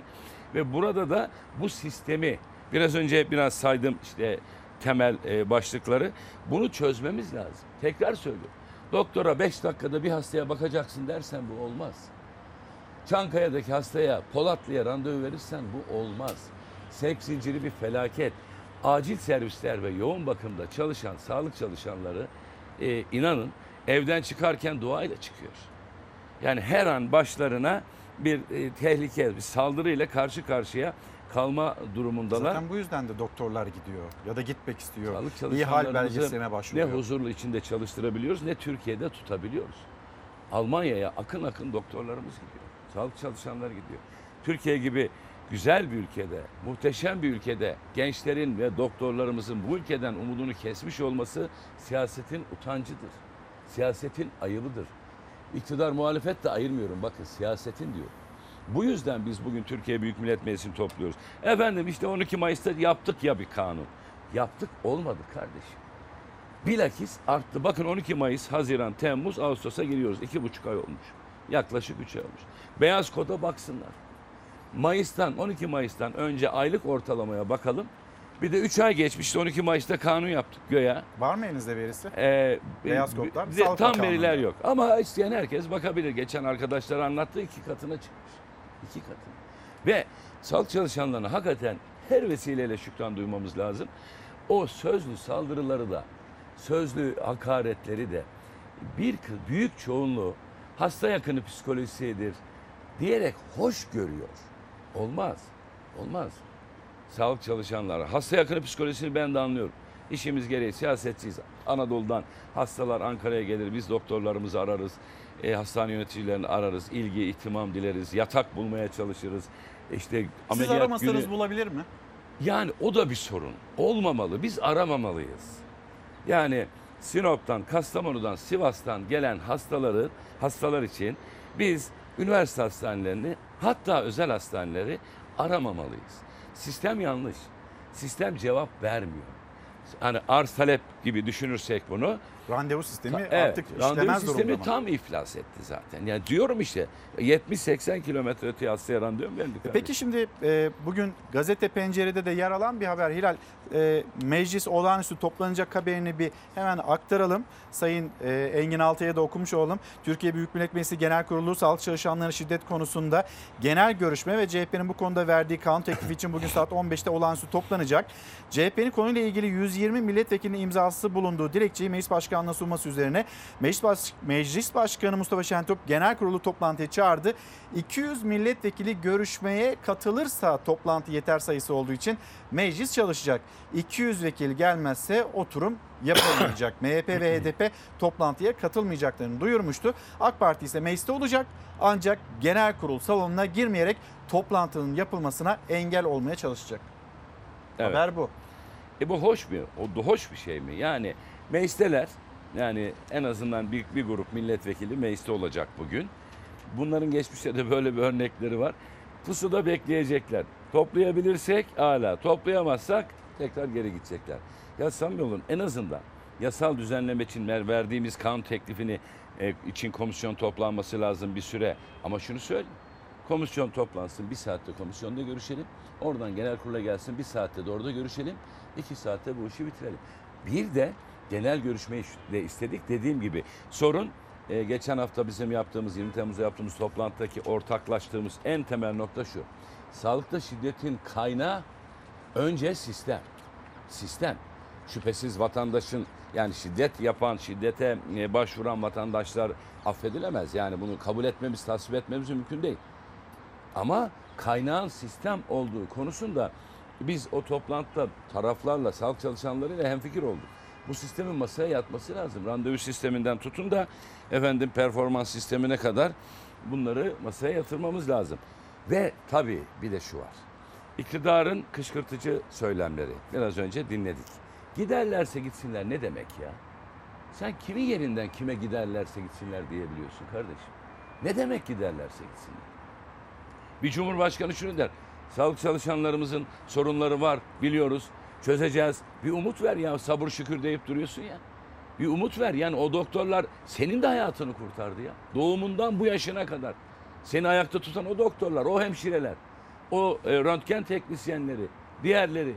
Yani bu yaklaşım, bu kışkırtıcı yaklaşım e, da aslında şiddeti körükleyen sistemle birlikte ana faktörlerden birisi. Yani ülkenin Cumhurbaşkanı sağlık çalışanlarına yurt dışına giden daha uygun ortamda çalışacağını düşünerek e, ekonomik olarak daha e, çok e, gelir elde edeceğini düşünerek ki doğaldır. Doktora, doktorumuz için giderse gitsin mantığı yanlış bir mantık. Ayrıştıran bir mantık. Kışkırtıcı bir mantık. Bakalım Meclis Genel Kurulu toplanabilecek mi? 200 Umalım. milletvekili e, Umalım. gelecek mi? Bir yandan da eğitimcisiniz aynı zamanda. Evet. Ve eğitimci kimliğinizi de sormak istiyorum. Hani uzman öğretmen, baş öğretmen, buradaki ayrım. Zaten o öğretmenler odası paramparça. Kadrolu öğretmen, sözleşmeli öğretmen, ücretli öğretmen. E şimdi bir de böyle uzman öğretmen, baş öğretmen böyle bir ayrıma gidiliyor olması. Evet. Nasıl bakarsınız eğitimci gözüyle?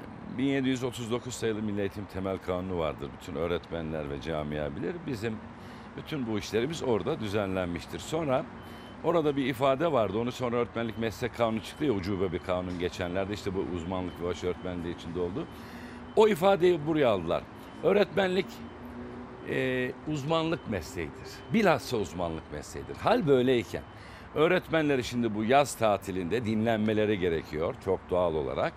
180 saatlik bir program alıyorlar e, internet üzerinden. Ama mutlaka bunu yapacaklar 180 saat. Sonra da sınav alacaklar. Öğretmenin kendisi zaten uzmandır. Öğretmenin ayrıca uzmanlık sınavına sokulması öğretmenlik mesleğine ve bir öğretmene yapılabilecek en büyük hakarettir. Ee, öğretmenlik ve eğitim yöneticiliği yapmış biri olarak buradan söylüyorum. Arkadaşlara seslendim. Buradan derken 3 2 hafta önce dedim ki değerli meslektaşlar bu sınavlara girmeyin. Uzmanlık ve baş öğretmenlik sınavlarına girmeyin. Tatilinizi olabildiği kadar kıt kaynaklarla da olsa en iyi şekilde geçirin, dinlenin, kendinize zaman ayırın. Boşuna bu sınavlara girmeyin. Çünkü biz iktidar olduğumuzda ki oluyoruz hiç şüphem yok. Biz bu sistemi yani uzmanlık ve baş öğretmenlik mekanizmasını kaldırıp çöpe atacağız. Anayasa Mahkemesi'ne de başvurumuz var.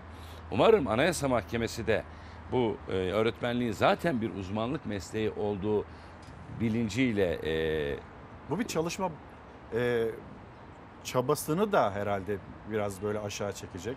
E, iş barışını da bir yandan bozacak bir durum. yani okul, okul aile birliği ilişkilerini de yani veli okul ilişkisini de bozacak. Şimdi bir öğretmen var bir şekilde sınavı aşmış uzman biri bir şekilde aşamamış değil. Birisi 2A'nın öğretmeni biri 2B'nin. E, diyecek ki benimkini uzmana yazın. Kaldı ki gerçekten vatandaşlar da bilsin ki bir öğretmenin uzman öğretmen, baş öğretmen ya da normal öğretmen olarak ünvanlanması size hiç etkilemesin. Öğretmen, öğretmendir. Öğretmenlerimizin mesleki birikimi tamdır. Eksik yok mudur? Herkes kendini yenilemeli. Buna hiçbir itirazım yok. Herkes, bütün öğretmenlerimiz de elbette kendilerini yenileme noktasında bir gayret içindeler. Bunu araştırarak, inceleyerek, okuyarak zaten yapıyorlar. Şu tatilde bile ben bilirim öğretmenlerimiz en çok ne yapar biliyor musunuz? Kitap okur. En çok kitap okur. Mesleki yayınları takip ederler. Veliler de okulla veli arasına da bir e, şey girecek burada bir nifak girecek. Bu yanlış. Baş öğretmenliğe gelince ya bunu yapmalarında ben şöyle bir sebeple biraz belki e, art niyetli düşünüyor gibi algılanabilirim ama bizim bir tane baş öğretmenimiz var ve bize yeter. Ve öğretmenlerimizin tamamı zaten uzmandır. Bu bakımdan e, bu sistemin Anayasa Mahkemesi'nden biz belki bizim gelmemiz belki onayı bulur. Anayasa Mahkemesi'nden e, bu sistemin iptalini de e, buradan temenni etmiş olayım. Ama tekrar buradan çağrı yapıyorum. Tıpkı Sayın Genel Başkanımızın KYK çağrısına benzedi. faizlerini ödemeyin demesi gibi iki hafta ya önce yaptım bunu. Biz partinin genel politikalarına aykırı bir laf edemeyiz zaten. Söylediklerimizin partiyi bağladığını biliyoruz.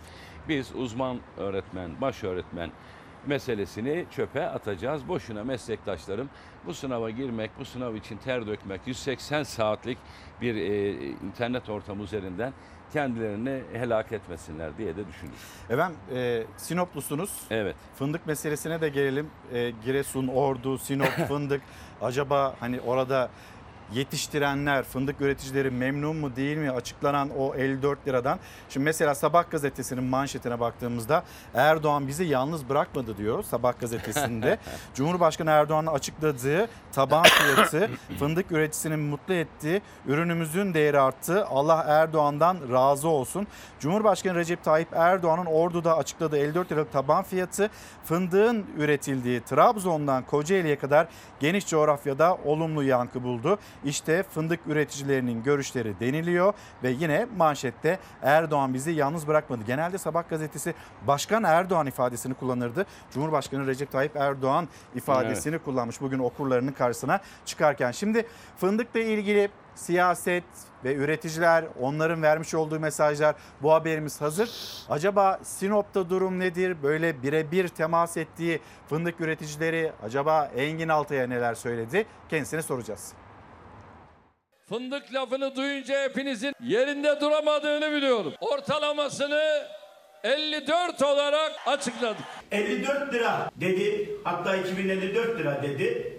Ama kimsenin ne dediğini anlamadı. Bu fiyatlar üretici kan ağlatacak fiyatlardır. 2022 alım sezonunda alan bazlı ödeme, mazot ve gübre destekleriyle birlikte fındık alım fiyatımız 54 liraya ne yapıyor? Çıkıyor. Bay Kemal'in teklifi 4 dolar 72 liraydı. Dolar kuru hala 18 lira. Bundan artık kimseye bir hayır yok. İktidara göre fındığa emeklerin karşılığı olarak şartlar zorlanarak 54 lira verildi. Muhalefete göre ise desteklerle birlikte açıklanan rakam olması gerekenin ve geçen yılın dahi altında. İktidara geldiğimizde fındığın alım fiyatı neydi biliyor musunuz? 1 doların altındaydı. 3 doların üzerine çıkardık. 2015'te dolar 2.65 lirayken fındığa 15.84 lira vermiştik. Yani 7 yıl önce fiyat 5,96 dolardı. 54 lira ile üretici ancak 3 dolar alır. 2015 fiyatının bugünkü karşılığı 105 liraydı. Fındık 74 lira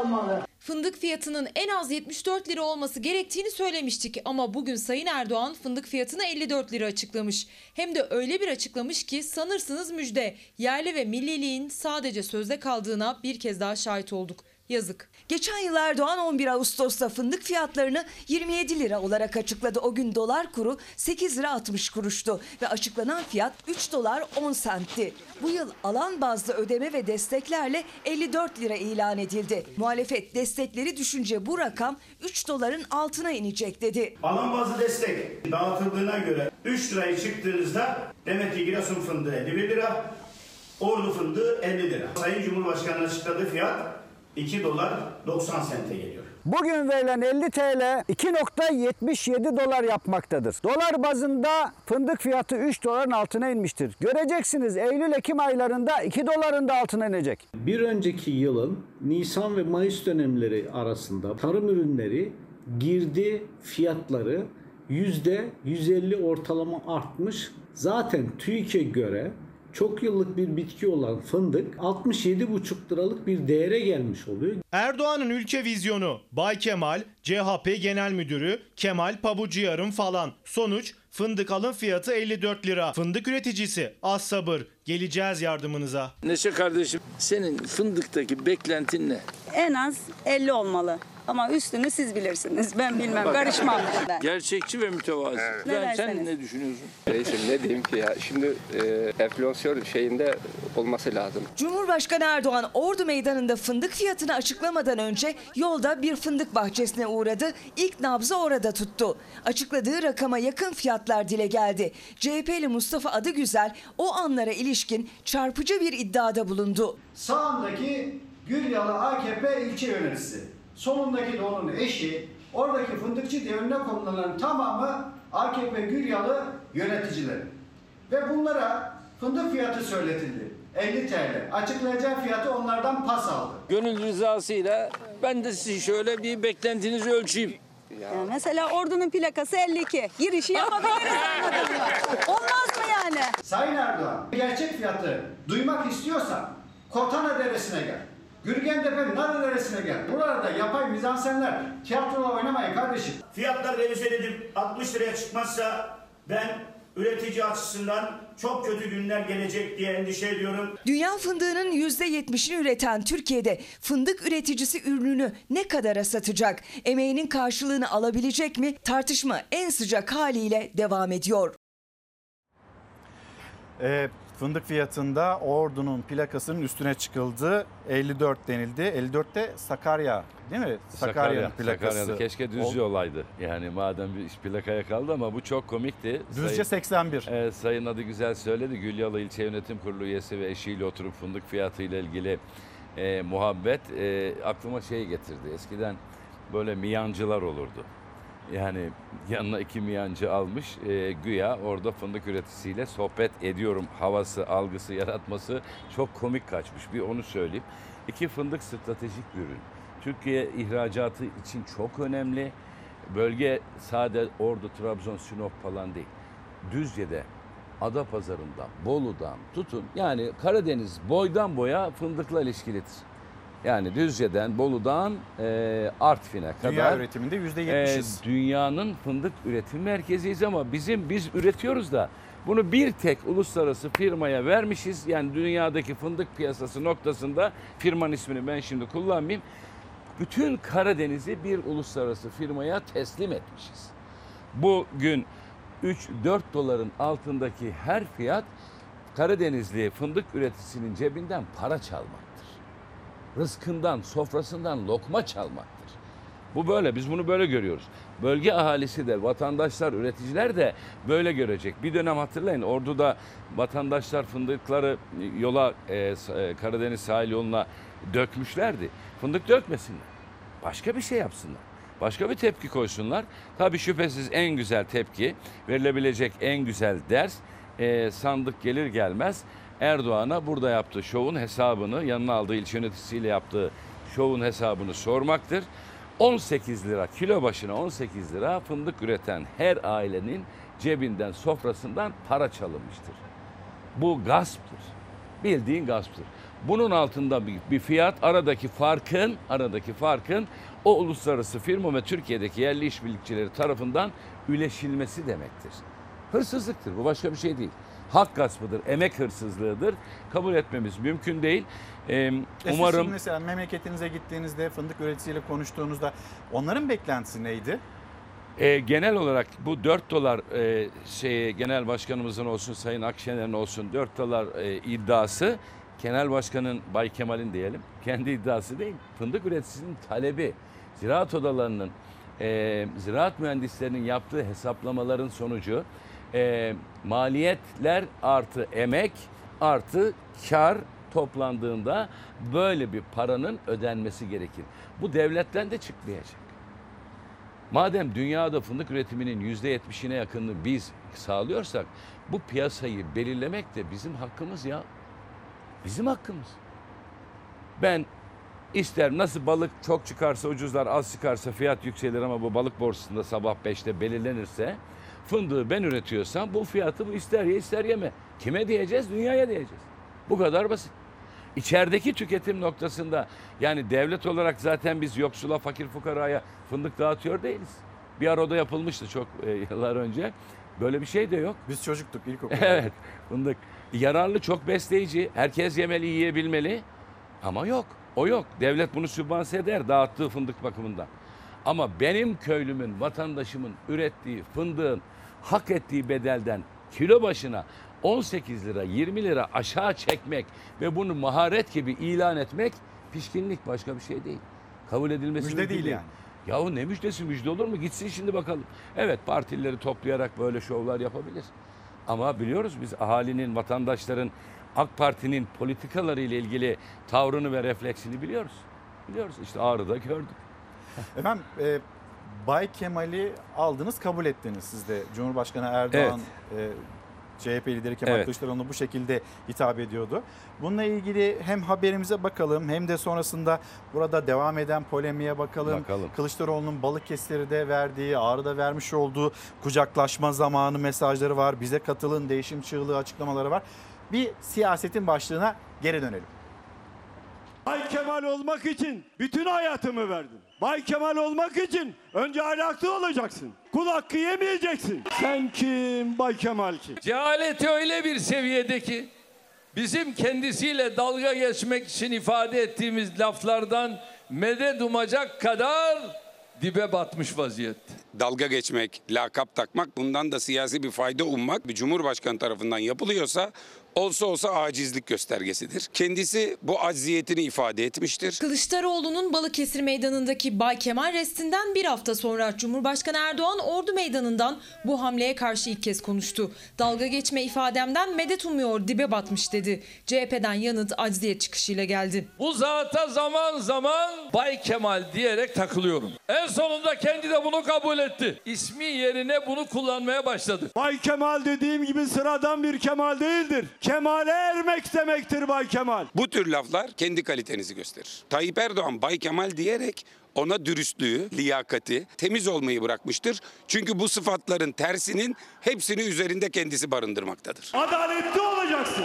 Emperyal güçlerin karşısında diz çökmeyeceksin. CHP lideri Bay Kemal ifadesini sahiplendi. Dürüstlük, kul hakkı yememe, diz çökmeme gibi anlamları barındırdığını söyleyip Bay Kemal'in karşılığını dakikalarca anlattı. Hatta sosyal medya hesaplarına da bu ifadeyi ekledi. Günler sonra Erdoğan Bay Kemal diye söze başladı. Kılıçdaroğlu'nu hedef aldı. Ana muhalefet koltuğunu yıllardır yalan ve iftiradan ibaret söylemlerle işgal ettiği için kendisine bu ünvanı vermiştim. Siyaseten tükenmişliğin artık siyaseten üretecek bir şey olmadığı için argoyla ve sokak ağzıyla konuşmaya sığınıldığının göstergesidir. Türkiye Cumhuriyeti'nde hiçbir cumhurbaşkanına yakışmaz ama Adalet ve Kalkınma Partisi'nin genel başkanı Recep Tayyip Erdoğan'a çok yakışmaktadır, cuk oturmaktadır. Kılıçdaroğlu sandığa vurgu yaparak Erdoğan'ı seçimde emekli edeceğim diyor. Bu kez benzer bir ifadeyi Cumhurbaşkanı Kılıçdaroğlu için kullandı. Bay Kemal lafının altına bir de CHP Genel Müdürü ünvanını eklemesi lazım. Hatta seçimden sonra buna ekleyeceği emekli CHP Genel Müdürü ibaresini de şimdiden hazırlarsa iyi olur. Bir partinin genel başkanlığından veya onun söylediği şekliyle genel müdürlüğünden emeklilik gibi bir ünvan yok. Ama emekli cumhurbaşkanı diye bir ünvan var ve o ünvan Recep Tayyip Erdoğan için çok yakın. En fazla ona uzak. Yapılacak ilk seçim kadar yakın. Bay Kemal ifadesi miting meydanlarının en sıcak polemiği. Siz Bay Kemal ifadesinin altını nasıl dolduruyorsunuz? Önce şunu söyleyeyim. Ee, ben 3-5 ay önce de Erdoğan'a e, cevap verirken Bay Kemal böyle diyor. Bay Kemal'e bir sor ifadelerini ben de kullanmıştım. Genel Başkanımızın Bay Kemal ifadesinden memnun olması çok normal. Çünkü olay şu. Erdoğan'da e, bir e, Kemal Kılıçdaroğlu paranoyası var. Kemal Kılıçdaroğlu kabusu var. Kemal Kılıçdaroğlu sendromu var. Erdoğan biliyor ki onun 20 yıllık saltanatına o Bay Kemal diye nitelendirdiği Kemal Kılıçdaroğlu son verecek ve hiçbir mahsuru da yok. Bay Kemal e, Erdoğan evet o kullanmaya başladı. Kemal Bey de e, genel başkanımız da zaman zaman e, Bay Kemal sana bunun nasıl yapıldığını gösterecek şeklinde cevaplarını hepiniz hatırlarsınız. Tekrar bundan ben sadece ve sadece memnuniyet duyuyorum. Çünkü e, Bay Kemalsiz bir günü olmayan bir cumhurbaşkanı var. Bu bizim açımızdan iyi, olumlu. Sayın Genel Başkanımız açısından da bence gayet güzel, olumlu.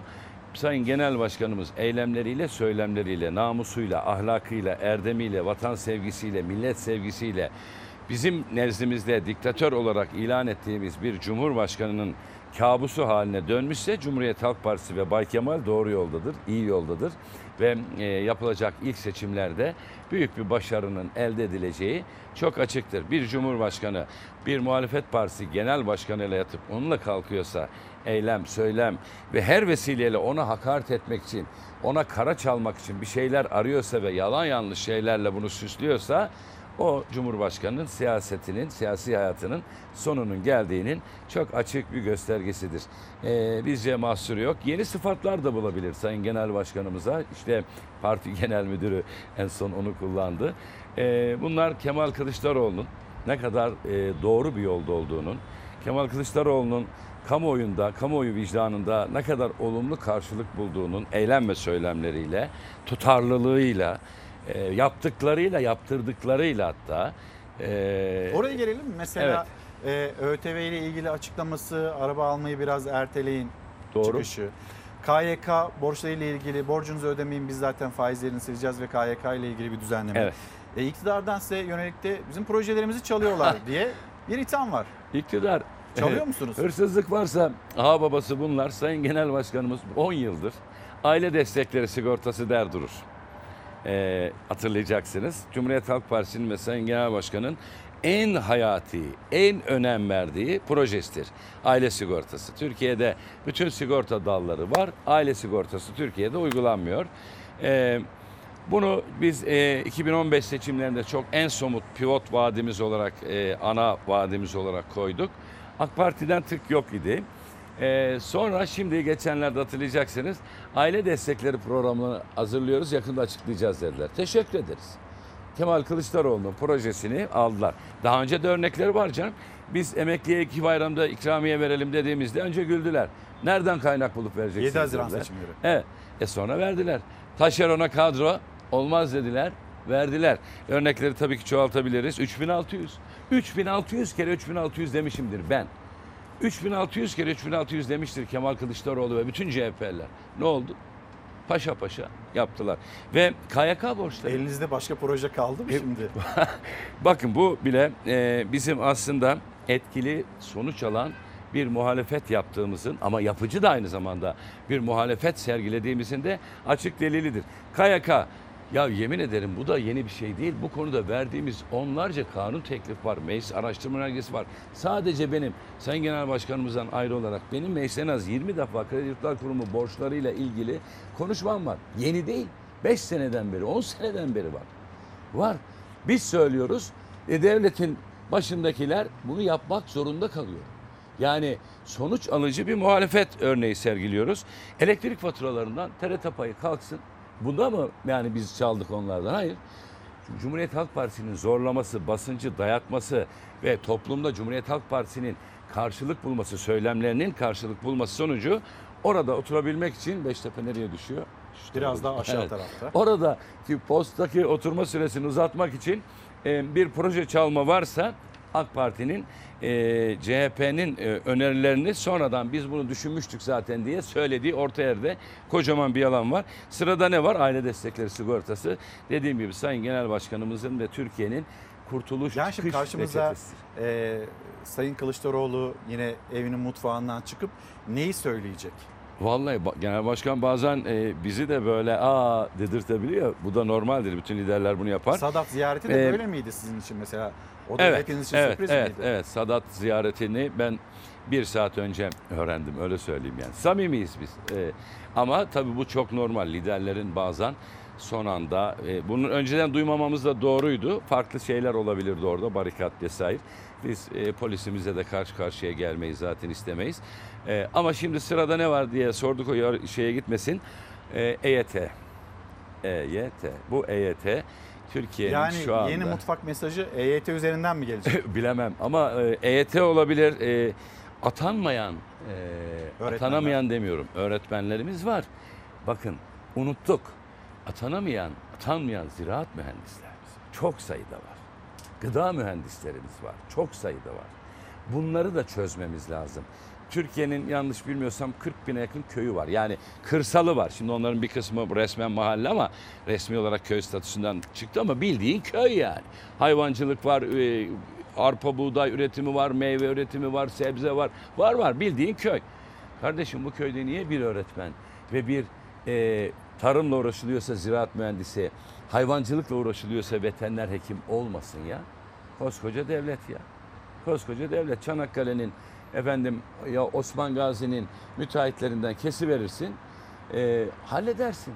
E şimdi bunlar da mesela hayata geçerse size ne kalacak? Çok Seçimde- dert var. Çok çalınan paraları geri toplamamız lazım. Milletin e, refah seviyesini yükseltmemiz lazım. Bizim bizim iki mühim işimiz var. Önce onu söyleyeyim. Türkiye'de bir devletin Türkiye'de değil her yerde öyledir. Devleti devlet yapan üç şey var. Üç şey olmazsa devlet olamaz. Saygın devlet olamazsın. Devlet olmanın gereğini yerine getiremezsin. Adalet, ahlak, liyakat. Bu yok. Üçü de yok. Bugün devletimizde, yüce devletimizde, kadim devletimiz adaletten, ahlaktan ve liyakattan yoksun. Bunu halledemediğimiz için bu sıkıntıları çekiyoruz. E millet var bir de. Millete ne lazım kardeşim? Huzur lazım, refah lazım, mutluluk lazım. Refah dediğim ekonomik refahtan bahsediyorum. Bu yok. Bu bizim temel işimiz. Temel işimiz. Bunun için de çok şeye gere- gerek yok. Üç tane şeye ihtiyacımız var. Kurallar kaybolmuş. Kadro kaybolmuş. Kurumlar kaybolmuş. Kadro nasıl kaybolmuş? Kadrolar liyakatsız, ehliyetsiz. Yani görevin gerektirdiği niteliklere sahip olmayan bir sürü insan şu anda Türkiye'de vali, büyükelçi, efendim genel müdür, daire başkanı. E, şeyi kaybetmişsin. Kadro yok. Kurallar, kural dediğin nedir? Hesap verebilirlik var mı? Yok. Şeffaflık var mı? Yok. İsraftan kaçırma var mı? Yok. E, batarsın. Batıyorsun zaten. Kurumlar, kurumları da kaybetmişiz. Devlet Planlama Teşkilatımız vardı. Şimdi diyoruz ki Siz önümüzü nasıl görüyorsunuz peki? stratejik planlama teşkilatı yoksa efendim bu olmaz. Ee, bir ekonomik sosyal konsey anayasal bir kuruluşu 10 senedir toplamıyorsan, tarafları bir araya getirmiyorsan bu olmaz. bir ulusal vergi konseyin yoksa bu olmaz. Ve bu kurumlardan Merkez Bankası gibi, Kamu İhale Kurumu gibi, efendim e, Gelir İdaresi Başkanlığı gibi kurumları da e, özel, bağımsız yapmazsan senin devlet olarak kurumunda yok, kuralında yok, kadronda yok kardeşim. Şimdi Batarsın. Battın zaten. Sayın Cumhurbaşkanı da yine açıklaması önceki dönemlerde sürekli muhalefet ekonomi üzerinden karamsarlık pompalıyor e, demişti. Evet. E bakıyorsunuz Nebati'nin açıklamalarına böyle biraz da böyle iyi bir tablo olduğunu. E, iyi şeyler de oluyor. Neden söylemiyor muhalefet? Bu yönde eleştiriler var Mesela? size. Son 10 günü çıkarırsak son bir ayda e, Türk lirası dolar karşısında en az değer kaybeden para birimi. Mesela Merkez Bankası Başkanı Kavcıoğlu'nun açıklamasıydı. Efendim şöyle yapalım da hani seçim, kucaklaşma mesajı, Evet. ekonomi hızlı bir şekilde reklamlara gidelim. Döndüğümüzde varsa vaktiniz biraz daha devam edelim. Peki de. Şimdi reklamlar dönüşte buluşalım. Efendim bir kez daha günaydın. Başlığımız olması gereken misafirimiz CHP Grup Başkan Vekili Engin Altay. Kendisiyle ekonomiyi de konuşacağız. Ve yine bir erken seçim bekliyor mu, beklemiyor mu? Altılı Masa'nın adayı ortak bir aday mı olacak? Başka bir strateji mi? Bunları da konuşacağız. Yalnız ekonomi başlığına hemen hızlı bir geçiş yapalım. Cumhurbaşkanı Erdoğan'ın açıklamaları var ve karşılığında da Deva Partisi lideri Ali Babacan'dan gelen açıklamalar var. Bakalım dönelim.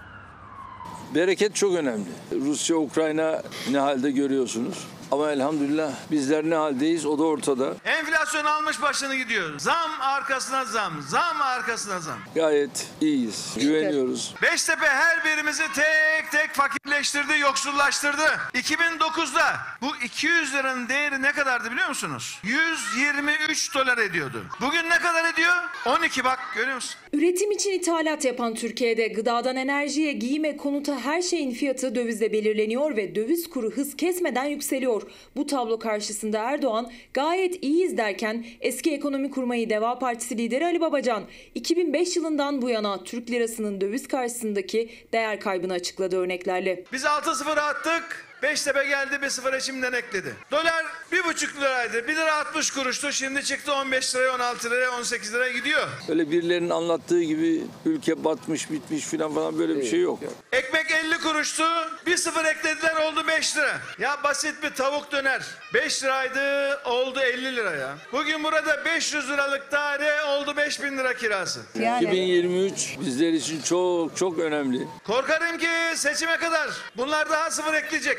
Beştepe koskoca bu ülkeyi maalesef bir çukura düşürdü. Hamd edeceğiz, şükredeceğiz. Daha iyi olacak inşallah. Cumhurbaşkanı Erdoğan vatandaştan bir kez daha şükür beklerken Babacan uçup giden fiyatlar üzerinden temel görevi enflasyonla mücadele etmek olan Merkez Bankası'nı da hedef aldı. Son bir haftayı çıkarın 10 günü. Ondan önceki bir aylık süreçte en az değer kaybeden Türk lirası. Dünyadaki tüm merkez bankalarının görevi nedir? Enflasyonu düşürmektir. Bizimkisi hariç. Beştepe yat diyor Merkez Bankası yatıyor. Kalk diyor kalkıyor. İndir diyor indiriyor bindir diyor bindiriyor. Merkez Bankası maalesef itibarını kaybetti. Ekonomiden söz açılınca yine seçim mesajlarıyla bitti cümleler. Ceketimi alsam, şapkamı koysam seçilirim anlayışı abilerin çok rahatına geldi. Birbirimize düşman ederek yaptıkları politikayı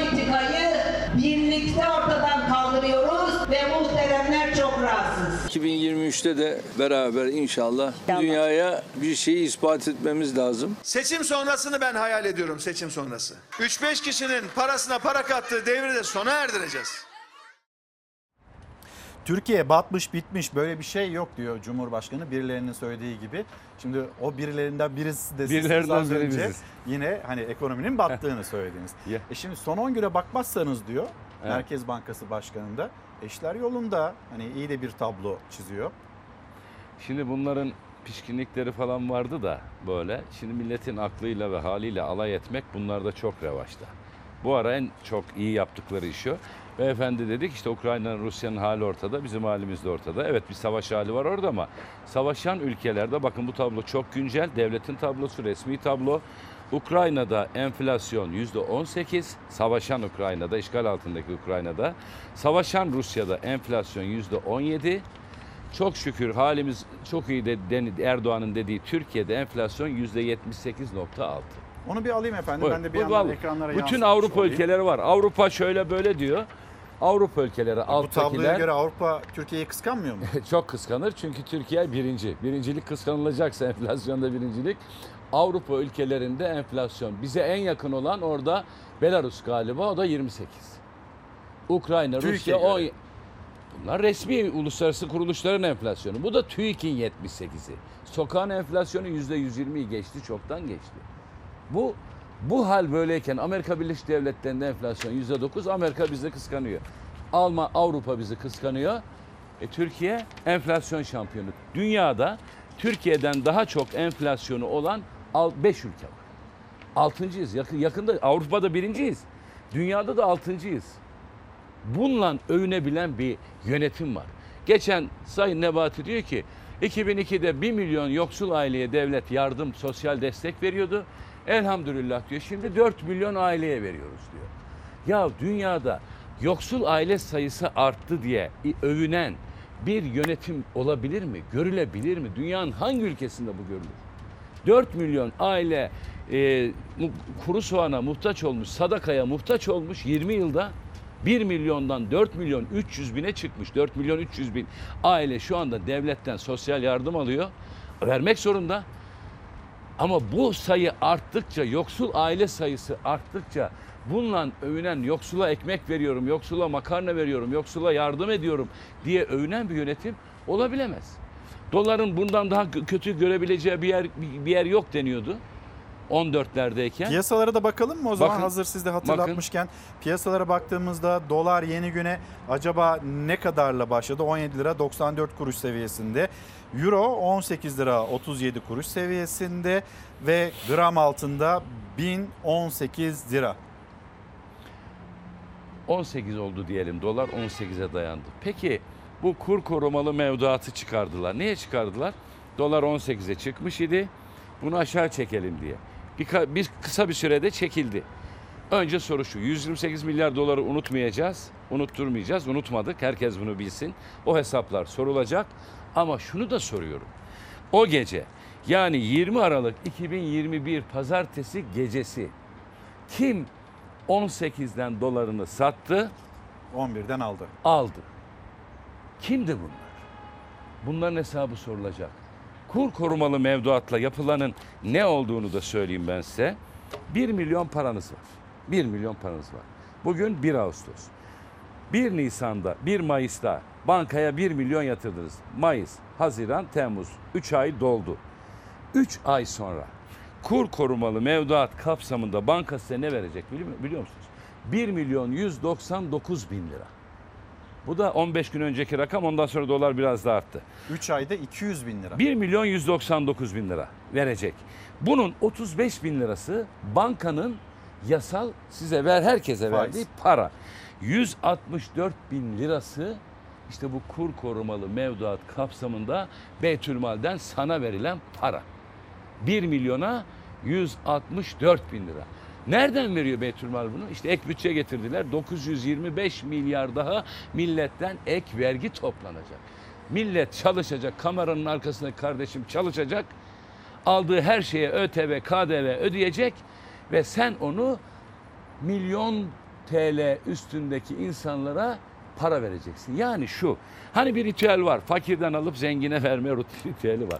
Ama dünyanın hiçbir yerinde yoksuldan alıp zengine verme, zenginin zenginliğini muhafaza etmek için yoksuldan alma, yoksula çökme böyle bir şey yok.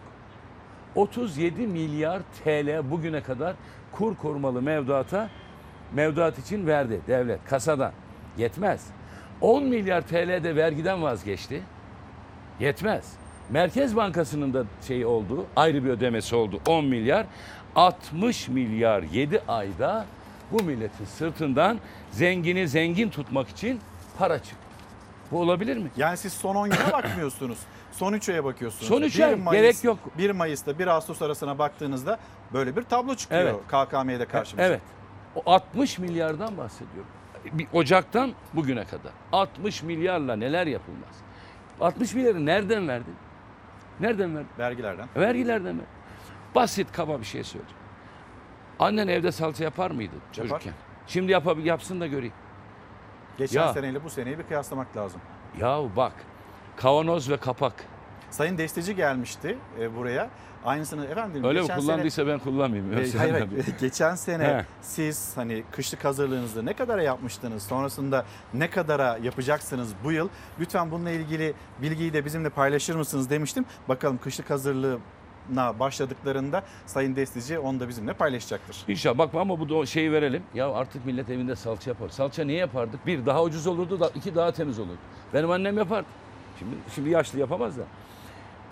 10 lira en ucuzu kavanozun 30 liraya satılan kavanoz var. Kavanoz en ucuz domates 7 lira. 1 kilo salça için 10 kilo domates lazım. Yani 70 lira vereceksin. Domates alacaksın. 15 lira vereceksin. Kavanoz ve kapak alacaksın. 1 kilo salçayı evde yapmanın maliyeti 85 lira olmuş ya. Ekonomi bu işte. Ziraat Odaları Birliği'nden kaybediyoruz. Ziraat Odaları Birliği'nden bir mesaj geldi. Bir açıklama da var. Hemen bir onu da paylaşayım izleyicilerimizle. Temmuz ayında üretici ile market arasındaki fiyat farkı en fazla yüzde 766.5 ile elmada görüldü. Üretici ile market arasındaki fiyat farkı 9 kata yaklaştı. Üretici market arasındaki farka bakar mısınız efendim? 9 kat diyor. ritüelini kaybettin. Üretici, ya onu da söyleyeyim. Bir domates üreticisi ablamızla tezgahta karşılaştık. Domates o gün itibariyle 20 lira. Mersin'de oldu bu. E dedim ki abla iyi domates de iyi para ediyor. Ya ne diyorsun vekilim dedi ya. Keşke 4 liraya satsam dedi ya. 4 liraya satarken bana daha çok kalıyordu dedi. Bana daha çok kalıyor dedi. Şimdi o zaman o gün yani domates çok inen çıkan bir şey. 20 liraya satıyorum 4 liraya sattığım zamanki para bana kalmıyor dedi. Evet biz hem istiyoruz ki vatandaş ucuz yesin hem de istiyoruz ki tarladaki üreten çiftçinin e, malı para etsin. Bak bu güzel bir örnek işte. Kadın diyor ki 4 liraya satarken ben daha çok kazanıyorum. Şimdi 20 lira fidesi, tohumu, gübresi, ilacı, Maliyetleri. maliyet artı tabi bu kadının direkt satışı. Yani düşün o kadının o domatesi markete gittiğinde o zaman 30 liraydı. Ama kadın kazanmıyor. Aracı kazanıyor. Akaryakıt fiyatlarından kaynaklı nakliye farkları biniyor. Bak Türkiye'de zengin daha zengin oluyor. Yeni resmi bir rakam vereyim. Çok önemli bu. Bankalarda herkesin 3-5 parası vardır. Herkesin vardır. Herkesin bir banka hesabı vardır. 2002'de 2002'de bunlar geldiğinde e, pardon 2005'te 1 milyon ve üstü mevduatı olan insan sayısı 12.800 kişi. Ve bu bankalardaki toplam mevduatın bu para onların parası yüzde 38'iydi. Şimdi bugün çok farklı bir tablo var. Türkiye'de bankalarda 1 milyon TL ve üstünde mevduatı olan insan sayısı 580 bin kişi. 580 bin kişi ve bu para 4 trilyon 24 milyar. Ama tablo şu genel toplam bankalardaki mevduattaki payı ne oldu biliyor musun? Yüzde 65. Yani Türkiye'deki bankalardaki bütün mevduatın yüzde 65'i çok zenginlerin çok zenginlerin ve bu sayı sadece ve sadece 580 bin kişi. Yani ortalama 140 bin aile. Bu şu demek. 140 bin aile bu pastanın, mevduatın yüzde 65'ini almış. 85 milyonda yani 22 milyon ailede yüzde 35'ini. Böyle bir adaletsizliğin karşısında toplum patlar. Siz bu döngünün altılı masanın iktidarı- iktidarıyla değişeceğini düşünüyorsunuz. Şimdi o zaman biraz hızlı ilerleyelim. İlerleyelim Müsaadeniz hızlı. olursa. Ee, mesela altılı masanın adayı kim? Ben Altılı Masa'nın adayına, Altılı Masa adına konuşursam hadsizlik yapmış olurum. Ama CHP'nin adayı Cumhuriyet Halk Partisi'nin adayı Bay Kemal. Bay Kemal. Bay Kemal. Cumhuriyet Halk Partisi'nin ve Cumhuriyet Halk Partililerin adayı, bak gönlündeki aday falan demiyorum. Çok net ve düz söylüyorum. Cumhuriyet Halk Partisi'nin adayı Bay Kemal. Peki e, 14 Mayıs tarihi mi yoksa Haziran'da mı olur seçim? Erdo- Nedir düşünceniz? Bir tavsiyeyle buna cevap vereyim. Erdoğan'a bir tavsiyem var. 1999 e, seçimlerini e, unutmasın. 99-2002 sürecini unutmasın. Rahmetli Ecevit 3 yıl içinde 22'den 1'e düştü. Ve o dönem parlamentodaki 5 siyasi parti parlamento dışı kaldı. 5 siyasi parti. Erdoğan 3. parti olmak istiyor ise, 3. parti olmak istiyorsa seçimi Kasım'da yapar. Eğer seçimi Hazir, Mayıs'ta Haziran'da yaparsa Erdoğan 5. parti olursa dua etsin. Benden ona bir tavsiye. Bu kadar net söylüyorum. Ben Türkiye'de seçimin ne zaman olacağı ile ilgili bir kehanette bulunmak istemem. Kişisel öngörümü söyleyeyim. Türkiye'de Kasım'da seçim olma ihtimali bana göre hala vardır. Ve ben Erdoğan'ın yerinde olsam en azından üçüncü olmak için, üçüncü olmak için Kasım'da o seçimi yaparım. Yoksa bak bu yaz geçiyor. Pahalı mağalı diyoruz da domates ekmek, karpuz ekmek. Karpuzu bile artık yarım yarım satıyor manavlar. Her şeye rağmen Maalesef. yaz geçiyor. Yani elektrik faturaları düştü, doğalgaz kombi yakmıyoruz vesaire vesaire. Ama kış? Kış geçmez kardeşim. Bu kış geçmez. Gerçekten geç. Söyledim. 580 bin kişi yüzde 65'i almış. 85 milyon kişi yüzde 35'i. Geçen ben bunu mecliste bir ekmeği üçe böldüm. Küçük kısmı dedim ki bu 85 milyonun bu da 500 bin kişi. Böyle bir adaletsizlik olabilir mi? Böyle bir düzen olabilir mi? Böyle bir şey olabilir mi? Devam ediyorum efendim hızlı bir şekilde. Evet. CHP'den 120 vekil Erzurum'a aynı uçakla gidecek. Şimdi siz illerde grup toplantıları yapacaksınız. Evet. Erzurum'a gideceksiniz. Hepinizin aynı uçağa binmesi ya da 120 vekilin CHP'li vekilin aynı uçağa binmesi bir endişe kaynağı. Engin Özkoç'u önden ayrıca göndereceğiz. Birini kurtarıyoruz. Hiçbir endişeye gerek yok. Biz bir yola çıktık. Bir dava için çalışıyoruz. Özgür Bu- Özel'le kendinizi mi yaktınız? Biz evet Allah Özgür'le, korusun tabii ki böyle bir e, şey olmasın. Yok e, ya ben kadere inanıyorum. E, öyle bakıyorum meseleye ama Sayın Genel Başkanımız da biz hep kendisine diyoruz aman dikkat vesaire. E, o da bir dava için yol- yoldayız arkadaşlar der hep. Yani onu bunu düşünecek halimiz yok. Şöyle olursa ne yaparız, böyle olursa ne yaparız diyecek halimiz yok. Risk alacağız. Bunu risk almak anlamında söylemiyorum. Ama bunu bu vesileyle şunu söyleyeyim. Allah bilir o uçağa bindiğimizde bir şey olur olmaz bir şey diyemem. Ee, ama Erzurum'la başlıyoruz. Ee, sonra hemen Edirne, Yalova, Afyon, Giresun, e, Sakarya, Elazığ ve Tokat'ta grup yapacağız. Yani Türkiye Büyük Millet Meclisi anayasa gereği tatilde ama Cumhuriyet Halk Partisi çalışmalarına Anadolu'da devam edecek. Grup niye grup yapıyoruz biliyor musunuz? Türkiye'de çaresizler, dertliler, mağdurlar, mazlumlar her salı bir buçukta Bay Kemal'e bakıyor. Bay Kemal'e bak. Diyor ki o deyince oluyor. O zorlayınca, o bastırınca oluyor. Beni ve bütün partileri onlarca insan arıyor. Ee, değişik toplum Siz kesimlerinden. Sayın Cumhurbaşkanı'ndan daha fazla bugün Bay Kemal dediniz. evet. Ben hep söylüyordum ama Bay Kemal ben e, yani daha önce de Erdoğan'a cevap verirken söyledim. E, bence çok şey bir ifadede değil. Ben onu genel başkanımız da şeyine profiline koydu zaten. Bakın ya, ya Kemal Bey'e söyleyin bizim sorunumuza da bir el atsın, bir bastırsın, bir video çeksin, bir şey yayınlasın. Grupta bir masaya vursun. Kemal Bey bastırınca oluyor algısı var. Yanlış da değil. Ha bu şundan değil tabii Erdoğan Kemal Bey dedi de yaptığım meselesi değil. Kemal Bey toplumun tercümanı. Milletin haliyle halleniyor. milletin derdiyle dertleniyor ve Kemal Bey söyleyince toplumda genel olarak bir e, o konuya bir destek oluyor. O konuyla ilgili yönet e, yürütmeye hükümete bir basınç oluyor ve hükümet yapmak zorunda kalıyor. Daha çok ezilmemek için, daha çok ah almamak için bunları yapmak zorunda kalıyor. Biz bu illerde e, sade grup yapmayacağız. Yani 120 milletvekili, 130 milletvekili düşünün şimdi yarın, e, evet yarın Erzurum sokaklarındayız. Yani Erzurum'un yarın her sokağında, her caddesinde vatandaş derdini anlatacağı bir CHP'li ile karşı karşıya kalacak. Biz orada vatandaşa propaganda da yapmayacağız. Yani vatandaşın karnı aç, senin karnın aç demeye gerek var mı? Vatandaşın sırtı açık, senin sırtın açık demeye gerek var mı? Vatandaş çocuğuna pantolon alamamış. Bunu söylemeye gerek yok. Biz artık çözümleri konuşacağız. Daha ziyade vatandaşın derdini dinleyeceğiz. Sorunu biliyoruz. Çözümü budur kardeşim diyebileceğiz, diyebiliyoruz da zaten. Bugünkü yayınımızda başlığımız olması gereken, son söz olması gereken. Ne dersiniz? Hemen seçimde. Hemen seçim. Çare seçim. Onu söylerim yani başka ne diyeyim. Efendim çok teşekkür ederim. Ben çok sağ olun. ederim. Geldiğiniz için, Çalar Saat'e katıldığınız için. CHP Grup Başkan Vekili Engin Altay'la konuştuk. Ülkenin gündemini değerlendirdik, siyasetin ve ekonominin. Şimdi ben kendisini uğurlarken hızlı bir şekilde KPSS'ye giren arkadaşlarımız vardı. İş umuduyla ve iyi de bir puan alabilme umuduyla haberimizi izleyelim. Sonrasında eğitimi ve acaba böyle tıp fakültelerini ne kadar tercih ediyor gençler? Bunu konuşarak ilerleyeceğiz. Yine konuklarımız var. Çoğu yere müracaat ettim, dönüş yapılmadı. İş durumları oralar biraz sıkıntılı tabii ama bakalım da yani nasıl. Her kapıyı denemek lazım tabii. El atılması gereken bir rakam. Artık işsizlik, enflasyon, bu girdiğimiz sınavlar da aslında hani çözüm değil işsizlik için. Çocuk gelişim lisans mezunuyum. Bir sene KPSS'ye hazırlanıp öyle gireyim dedim.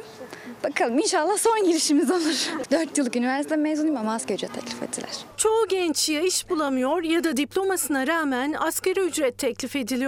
23 yaşındaki Mevlüde Yıldırım da asgari ücret teklifi alınca hayallerini ertelemek zorunda kaldı. Bir yıl boyunca çalıştı, çabaladı, KPSS'ye girdi. Sadece o da değil, lisans mezunu binlerce işsiz genç kamu personel seçme sınavında memur olabilmek için birbiriyle yarıştı. Şu an çalışmıyorum. KPSS'de çalıştım. İnşallah emeğimin karşılığını alırım. Temmuz'un son günü yaz sıcağında gelecekleri için kamu personeli seçme sınavında ter döküyor gençler. Öyle ki günümüzde her 5 gençten birinin işsiz olduğunu düşünürsek devlet kapısı gençler için en garantili işlerden biri. İşte bu yüzden gençler bu sınavı kazanabilmek için canını dişine takıyor. Çok giren kişi onun için giriyor zaten. Güvenceli iş, kovma derdiniz yok, rahat. Yani makul aslında dönemimiz için. 75 en azından bekliyorum şu an. Ben sağlık yönetimi mezunuyum fakülte olarak. Benim kaçıncı girdiğim belli değil. Kaç senedir giriyorum. İşsiz olarak giren insanlar için daha zor.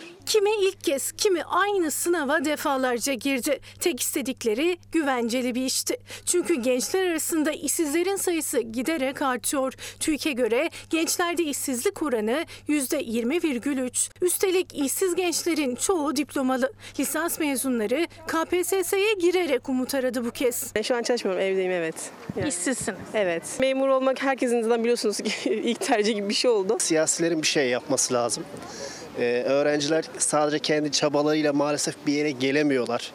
İşin içerisinde bazen torpil oluyor. İstesek de istemesek de bunlarla karşılaşıyoruz, duyuyoruz. Sınavda başarılı olmaları da yetmiyor gençlerin. Mülakatı geçmeleri, atanmayı beklemeleri gerekiyor. Her geçen yıl iş bulabilmek için yarıştıkları kişi sayısı da artıyor. Onlar çalışmaya hazır, önlerinin açılmasını bekliyorlar. Siyasilerden özellikle gençlerimizin önünü açacak istihdamlar yapmalarını bekliyoruz. Yani yazık bu gençlere. Efendim olması gereken eğitim konusunda ve gelecek kaygısı, gençlerin gelecek kaygısında böyle bir tabloyu yaşamamak. Yani işte görüyorsunuz KPSS oraya giren arkadaşlarımız var. Bir iş umudu ile giren arkadaşlarımız var. Ama bir yandan da bir umutsuzluk yaşanıyor. Şimdi eğitim penceresiyle ve bir yandan da doktorların, genç doktorların da meselesiyle devam edeceğiz. Konuklarımız var. Profesör Doktor Soner Şahin, İstanbul Nişantaşı Üniversitesi Tıp Fakültesi kurucu dekanı ve aynı zamanda Doktor Levent Ünsal, İstanbul Nişantaşı Üniversitesi Eğitim Vakfı Başkanı şu anda kendileri e, İstanbul stüdyomuzda. Günaydın efendim. Nasılsınız? Günaydın. Sesimi Çok teşekkürler? İlker Bey. Sağ olun sizlere, izleyicilerimize ve tüm Çalar Saat ailesine. Günaydınlar. Günaydınlar, iyi haftalar. Günaydınlar. Ankara'dan da selamlarımızı iletelim. Sağ olun. Şimdi hemen e, Soner Bey sizinle başlamak istiyorum. Bugün Türkiye Büyük Millet Meclisi olağanüstü bir toplantıya davet edildi. Sağlıkta şiddet, sağlık çalışanlarının yaşadığı şiddet konusunda bir düzenleme ihtiyacı olduğunu söylüyor Cumhuriyet Halk Partisi. Bakalım hani o toplantı gerçekleşebilecek mi, gerçekleşmeyecek mi ama en azından hani gençler acaba burada doktorluk mesleğini ne kadar tercih ediyorlar? Aynı zamanda Türkiye'de tıp eğitimiyle ilgili bize acaba hangi bilgileri verirsiniz? Şimdi İlker Bey tabii öncelikle bu e, olayları kınıyoruz. Yani bir hekim olarak sahada hekimlikte yapan bir e, meslektaşları olarak e, bunları e, kabul etmemiz mümkün değil. Biliyorsunuz Urfa'da da son e, günlerde yaşanan bir olay oldu. Onunla ilgili de bugün bir tekrar tutuklama kararı alınmış. Bunlar tabii gönlümüze su serpiyor. Onu öncelikle söylemek isterim. Aslında yasal düzenlemeler yapıldı bununla ilgili. E, bunların hukuksal olarak da e, hayata geçirilmesini istiyoruz. Yani yasal düzenlemeler e, bu tip şiddet olaylarına karşı önlemleri almış durumda. E, çünkü he- hekimlik çok kıymetli bir meslek. Bakın e, Türkiye'de e, bir hekimin yetişmesi için 10 yılın üzerinde bir zaman gerekiyor İlker Bey. E, neden diyeceksiniz? 6 yıllık bir tıp fakültesi, işte bir uzmanlık eğitimi alacak, e, en az 4 yıl onun eğitimi, mecburi hizmeti. Yani bir insanın yetişebilmesi için en az 10-12 yıl gerekiyor. Hekimlerimiz kıymetli. Ülkemizde de dünyada da hala en saygın ve en güvenilir e, konumdaki mesleklerden biri durumunda. E, bu yüzden de e, halkımızın da bu konuda hekimlere ve sağlık çalışanlarına gereken desteği vermelerini öncelikle önemserim. E, tabii bizim az önceki sorunuzda dönecek olursak, e, tabii tıp mesleği benim mesela gireli 30 yıl oluyor tıp fakültesi ilk güne girdiğim gibi ama aynı heyecanla devam ediyoruz. Bir daha dünyaya gelsem yine hekim olurdum. Onu öncelikle söylemek isterim. E, burada ne değişti? Harika, ne ne güzel hocam. değişti? E, bu 30 yıl öncesine göre çok şey değişti. Artık yapay zeka, biyoteknoloji, bioinformatik ya bir bamba- bambaşka konuya nanobiyoteknoloji İlker Bey görüyorsunuz e, aşı ne kadar kısa zamanda çıktı. Şimdi siz onu in vivo dediğimiz bir deneysel ortamda yapmaya kalksanız bir aşının bizim biyoinformatik ekibiyle bunun e, literatür bilgisini de çalıştık. Ya 11 yıl gerekiyor ama bir- ba- bakın e, Uğur hocamız ve sevgili eşi ya dünyada çığır açacak bir şey yaptılar. Kısa sürede yaptılar. Bu aslında bu teknolojiyi kullanmaktan geçiyor. Biz de artık e, hedef ve hayal olarak bunu istiyoruz. Yani ülkemizdeki sağlık da bu noktaya evrildi. Covid-19'da da meslektaşlarımız gerçekten e, canla başla çalıştılar ve gerçek hekimlik yani bu sadece bedenen çalışmak değil gerçekten de tecrübeli ve deneyimli bir hekim ve sağlık çalışan ordumuz var. Yani biz bunu böyle aştık. İşin doğrusu onu özellikle söylemek isterim. Hepsi e, gerçekten te- e, teşekkür ederiz. E, burada ne dedik? Mesela etik ve ahlak değerler çok önemli biliyorsunuz. Yani Hipokrat 5.0 diye bir felsefe ortaya koymamız gerekiyor. Bunu neden söylüyorum? E, biliyorsunuz kadim Anadolu topraklarının Nedir hemen yakınında e, bir e, işte Kos Adası'nda Hipokrat bundan 2500 yıl önce bazı hekim öğreticisi olarak bu eğitimi vermişti. Biz de şu- e, şuna bakmamız lazım. Eğer Hipokrat 21. yüzyılda şimdi yaşasaydı ne yapardı? E, yine etik ve ahlaki değerlere sahip olurdu ama yapay zekayı kullanırdı, ilaç üretirdi, nanoteknolojiyi kullanırdı, patent alırdı ve bunları hekim arkadaşlarımıza öğretirdi diye düşünüyorum. Hocam şimdi tercihler meselesine Levent hocama döneyim o zaman. Soner hocam çok teşekkür ederim. Levent hocam e, tercihler meselesine bir geçiş yapalım mı? Tam da böyle bir sürecin içindeyiz. E, acaba gençler ne kadar tıbbı tercih ediyor ve ya da hangi alanları daha çok tercih ediyorlar? Sizin önerileriniz var mı? Tabii ki. Şimdi önce bir mesleğe karar veriyor arkadaşlarımız. Bizim tavsiyelerimiz şu doğrultuda. Mutlak surette hangi üniversiteye gideceklerse o üniversiteyi aileleriyle birlikte ziyaret etmeliler. Üniversitenin rektöründen, dekanından, orada okuyan öğrencilerinden ve mezun olan öğrencilerden detaylı bilgileri almalılar ve en geniş bazda düşünerek önce mesleklerine ve sonra üniversiteye karar vermeliler. Ama üniversiteler bunun yanında neler yapmalı bence? Bir kere vermiş oldukları diplomaların uluslararası geçerliliğiyle ilgili akredite olmaları gerekiyor. Şu anda en büyük problemlerden bir tanesi pahalılık. Onun için biz e, Nişantaşı Eğitim Vakfı olarak desteklemiş olduğumuz üniversitenin şöyle bir altyapısını ve bir fayda sağlamayla ilgili dedik ki sabit ücret yapalım. Eğitim süresi boyunca sabit ücretle okusunlar ki bir de ekonomiyle ilgili problem yaşamasın aileler. Çünkü biz üniversiteleri bir fayda merkezi olarak görüyoruz. Bunun yanında mezuna giderken mutlak surette altyapılarını doldurmamız lazım. Portfolyolarını geliştirmemiz lazım mezunlarımızın. Çift diploma, yan diploma ve bunlarla ilgili işte ücreti hiç düşünmemeli. Ücretsiz yapmalıyız bunları ya da sertifika programları. Biz diyoruz ki gençlerimize inanın müthiş insanlar. Biz son 5 günden beri hep beraberiz. Yaklaşık 10 bine yakın aileyle görüştük. Çok iyi sorular geldi. Gelecekleriyle ilgili kurguları geliştirmekle ilgili çalışmalar yaptı bizim arkadaşlarımız. Destek veriyoruz. Gençlerimiz Türkiye'yi geleceğe ulaştıracaklar ve biz sadece onlara doğruları söylememiz gerekiyor. Buna inanıyoruz efendim. Levent Hocam tabii siz de dikkat çekiyorsunuz. Hani bir meslek seçimi önemli. Aynı zamanda o meslekle ilgili üniversiteyi hangi şehirde okuyacaksınız bu önemli. E anne babalar korkuyor. Mesela hani özel üniversiteleri tercih ettiklerinde karşılarına çıkabilecek olan maliyetten ciddi anlamda korkuyorlar. Siz de buna dikkat çekiyorsunuz. Tabii ki biz vakıf olarak zaten bunun ortadan kalkmasıyla ilgili çalışmalar yapıyoruz. Onun için e, elimizden geldiği kadar vakıfımız belli zamanlarda belli bağışlarda bulunuyor. Destekleyicilerimiz var, hocalarımız var bu konuda. Önemli olan gençlerimiz okurken işin ekonomisini düşünmeden eğitimlerine fokus olmaları. Hocam e, Levent Hocam hemen şeyi sorayım. Aslında Soner Hocam ikinize de sormuş olayım. Mesela 3 tip mezun ne demek bu 3 tip mezun? Ee, öğrencimiz, öğrenci adayımız geldiğinde biz soruyoruz. Siz mezun olduktan sonra ne yapmayı planlıyorsunuz? Beyaz yakalı ve mavi yakalı olabilirler. Yani profesyonel çalışma. İki, girişimci ruhlarıyla ellerindeki projeleri veya aile şirketlerini geliştirebilirler ve üniversitemiz için çok değerli akademisyen olmayı hedefliyor olabilirler. İlk günden biz yol eğrilerinde neler yapacakları ile ilgili bir kariyer planlaması yapıyoruz. Ve bu doğrultuda aksiyon almalarını sağlıyoruz. Zaten Soner Hocam'ın kurmuş olduğu birçok platform var. Özellikle sağlık organizasyonumuzla ilgili tıp fakültemiz, diş hekimliği fakültemiz ve sağlık bilimleri fakültemizle ilgili bu platformlarda kendi kariyerleriyle doğru orantıda yapıları arkadaşlarımızla tanıştırıyoruz. Zaten detayları Soner evet. Hocam. Müsaadenizle şöyle sağlıkta da şunu yapmamız gerekiyor İlker Bey. Yani hocam, bilim, Soner bilim hocam, tıp bir, insanları. Bir soru o da arada e, Lütfen. Ha, çok özür dilerim hocam. Lütfen. E, şu sorunun yanıtı da arada kaynayıp gitmesin lütfen. Tıp fakültesine ilgi nasıl? Tıp fakültesine ilgi her zamanki gibi yine aynı şekilde çok iyi. E, 50 bin barajı var. Ben o e, kardeşlerimizi Harika. ve ailelerini de kutluyorum. Yani 3 milyonun üzerinde insanın sınava girdiği bir yerde ilk 50 bine girmek gerçekten hatır sayılır bir başarı.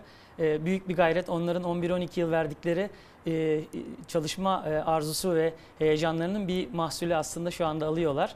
E, o bize ayrı bir mutluluk veriyor. E, hekimlik mesleği gerçekten az önce de bahsettiğim gibi çok kutsal. Dünyadaki en muhteşem varlık, ulvi varlığa dokunma özgürlüğü olan tek meslek herhalde. O yüzden de bence onun kıymetini bilmek lazım. Hep öyle diyorum. İnşallah 25 yıl sonra e, bizlerin yerlerinde kendi yetiştirdiğimiz talebelerimizin e, oturması en büyük arzumuz. İnşallah o gün olduğunda zaten üniversitelerde biliyorsunuz e, üniversalleşmiş oluyor. Yani dünya üniversiteleri işte o hep hatır sayılır listelerde o gördüğümüz. O da ne büyük gurur olur değil mi sizin evet, için? Evet yani bundan başka bir gurur olmaz. E, bir de müsaadenizle bu bilim tıp insanı yetiştirme programlarından bahsetmek isterim. Şimdi o e, sağlık tarafında ise bu Lütfen. E, tıp doktoru yani insanlar için bir seçimdir. Aslında bilim, işte araştırma, geliştirme bu bir e, heves ve heyecanla olacak bir şey. Biz e, öğrencilerimiz için e, bütün Türkiye'de de bunu yapmamız gerekiyor. Yani bilim tıp insanları yetiştirmemiz gerekiyor. Ki bunlar e, birinci sınıftan itibaren e, çocuklarımıza işte metodoloji, araştırma, geliştirme nasıl yapılabilir? Çünkü bakarsanız çağdaş toplumların tamamında işte ürün üretme, dünyada söz sahibi olan makalelerin veya işte bunların patentlerinin alınması ve e, modellerin ortaya konması adına en büyük çalışmalar e, bu şekilde yapılıyor. E, çok genç, dinamik, bilimsel olarak e, istekli ekiplerimizle beraber öğrencilerimizi e, tıp fakültesi, e, diş hekimliği, sağlık bilimleri fakültesi fark etmiyor. E, onları birinci günden itibaren buna yetiştirmemiz gerekiyor. Eğer istek ve arzu varsa onlar tıp doktoru olurken bir yandan da bilim insanı olabilecekler. Yani bir insanın örneğin genel cerrahi uzmanının karaciğer hastalıkları ile ilgili bir alanda doktora yapması, işte e, mesleğimle alakalı işte beyin ve sinir cerrahisi uzmanıyım. Düşünün beyin tümörleriyle ilgili bir çalışma yapıp ülkemize dünya bilimine katkı sağlamak kadar güzel bir şey olamaz. Bunu öğrencilerimizle yapıyorum. Bir de öğrencilerimizi e, bu e, projelere e, örneğin işte TÜBİTAK, Uluslararası Avrupa Birliği fonlarının desteklediği projelere yönlendirmemiz lazım İlker Bey. E, ülkemiz bu konuda da e, çok kıymetli bir altyapıya ve eğitim e, elemanlarının kalitesine sahip. Öğrencilerimize de bunu aşılamamız gerekiyor. Yani Avrupa Birliği fonlarıyla e, bu projeleri yönetmemiz gerekiyor. İşte örneğin işte nasıl e, bir ilaç firmasıyla yönelen bir aşı çalışmaları süreçlerini gördük. Tabii sanayi ve bilim işbirliğini mutlaka yapmamız gerekiyor. Bu en önemli şeylerimizden bir tanesi. Bu platformları öğrencilerimizle çok erken buluşturmak hevesimiz ve heyecanımız olmalı. Bunu neden söylüyorum? Farklı disiplinlerden insanlarımız beraber çalışmalı. Yani ben bir mühendis arkadaşımla, ben bir e, bu paydaşlarla örneğin işte eczacılık fakültesiyle, e, diş hekimliği fakültesiyle paylaşmamız lazım. Bunun için de e, bir ekosistem oluşturmamız gerekiyor. Yani sağlık bir bütündür. E, tüm dallarıyla Örneğin işte tıp, diş hekimliği, sağlık bilimleri biliyorsunuz ülkemizdeki en önemli sorunlardan bir tanesi de ara eleman problemi. Hastanelerimizde hekimlerle veya diğer sağlık Evet. çalışanlarımızla beraber çalışacak ara elemanlarımızı da meslek yüksekokulu'ndan e, yetiştirmemiz lazım. Yani biz öyle insanlar yetiştirmemiz lazım ki kendimiz de bu çalışmaları yaparken arkadaşlarımızla beraber yetiştirdiğimiz öğrencilerimizle beraber bu yolda yürüyelim.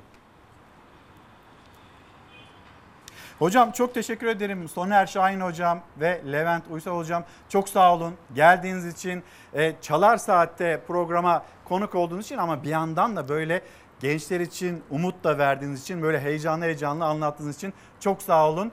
E, ve yine akademik çalışmalarınızda da sizlere başarılar diliyoruz. Efendim konuklarımız İstanbul stüdyomuzdaydı. Ben kendilerine teşekkür ederken şimdi hızlı bir şekilde reklamlara gideceğiz. Tekrar reklamların dönüşünde de yine hatırlatmalarımız olacak. Efendim bir kez daha günaydın. Ağustos ayının birinde Çalar Saat'te karşınızdaydık. Bugünü Çalar Saati noktalamadan hemen önce elimizdeki diğer kitaplarımız var. Onları da göstermek istiyorum sizlere. Öyle vedalaşalım. Ömrümün Sol Hali Tarık Torun, Doktor Emin Mindan, ben dünyaya gelmeden yapmanız gerekenler hem anne hem babaya sağlıklı bebek ve doğurganlık için beslenme taktikleri Doktor Emin Mindan'dan. Bana kim sarılır? Aycan Polat Ulusan yazan ve resimleyen işte bir çocuk kitabı yine bizlere ulaştı. Bunu da gösterdikten sonra kapatırken her zaman gibi teşekkürümü sizlere. Bizi izlediğiniz için teşekkür ederiz. Bir aksilik manikeler olmazsa yarın sabah saatler 8'i gösterdiğinde bizler çalar saatte olacağız. Sizleri de bekliyoruz. Hoşçakalın güzel bir gün olsun.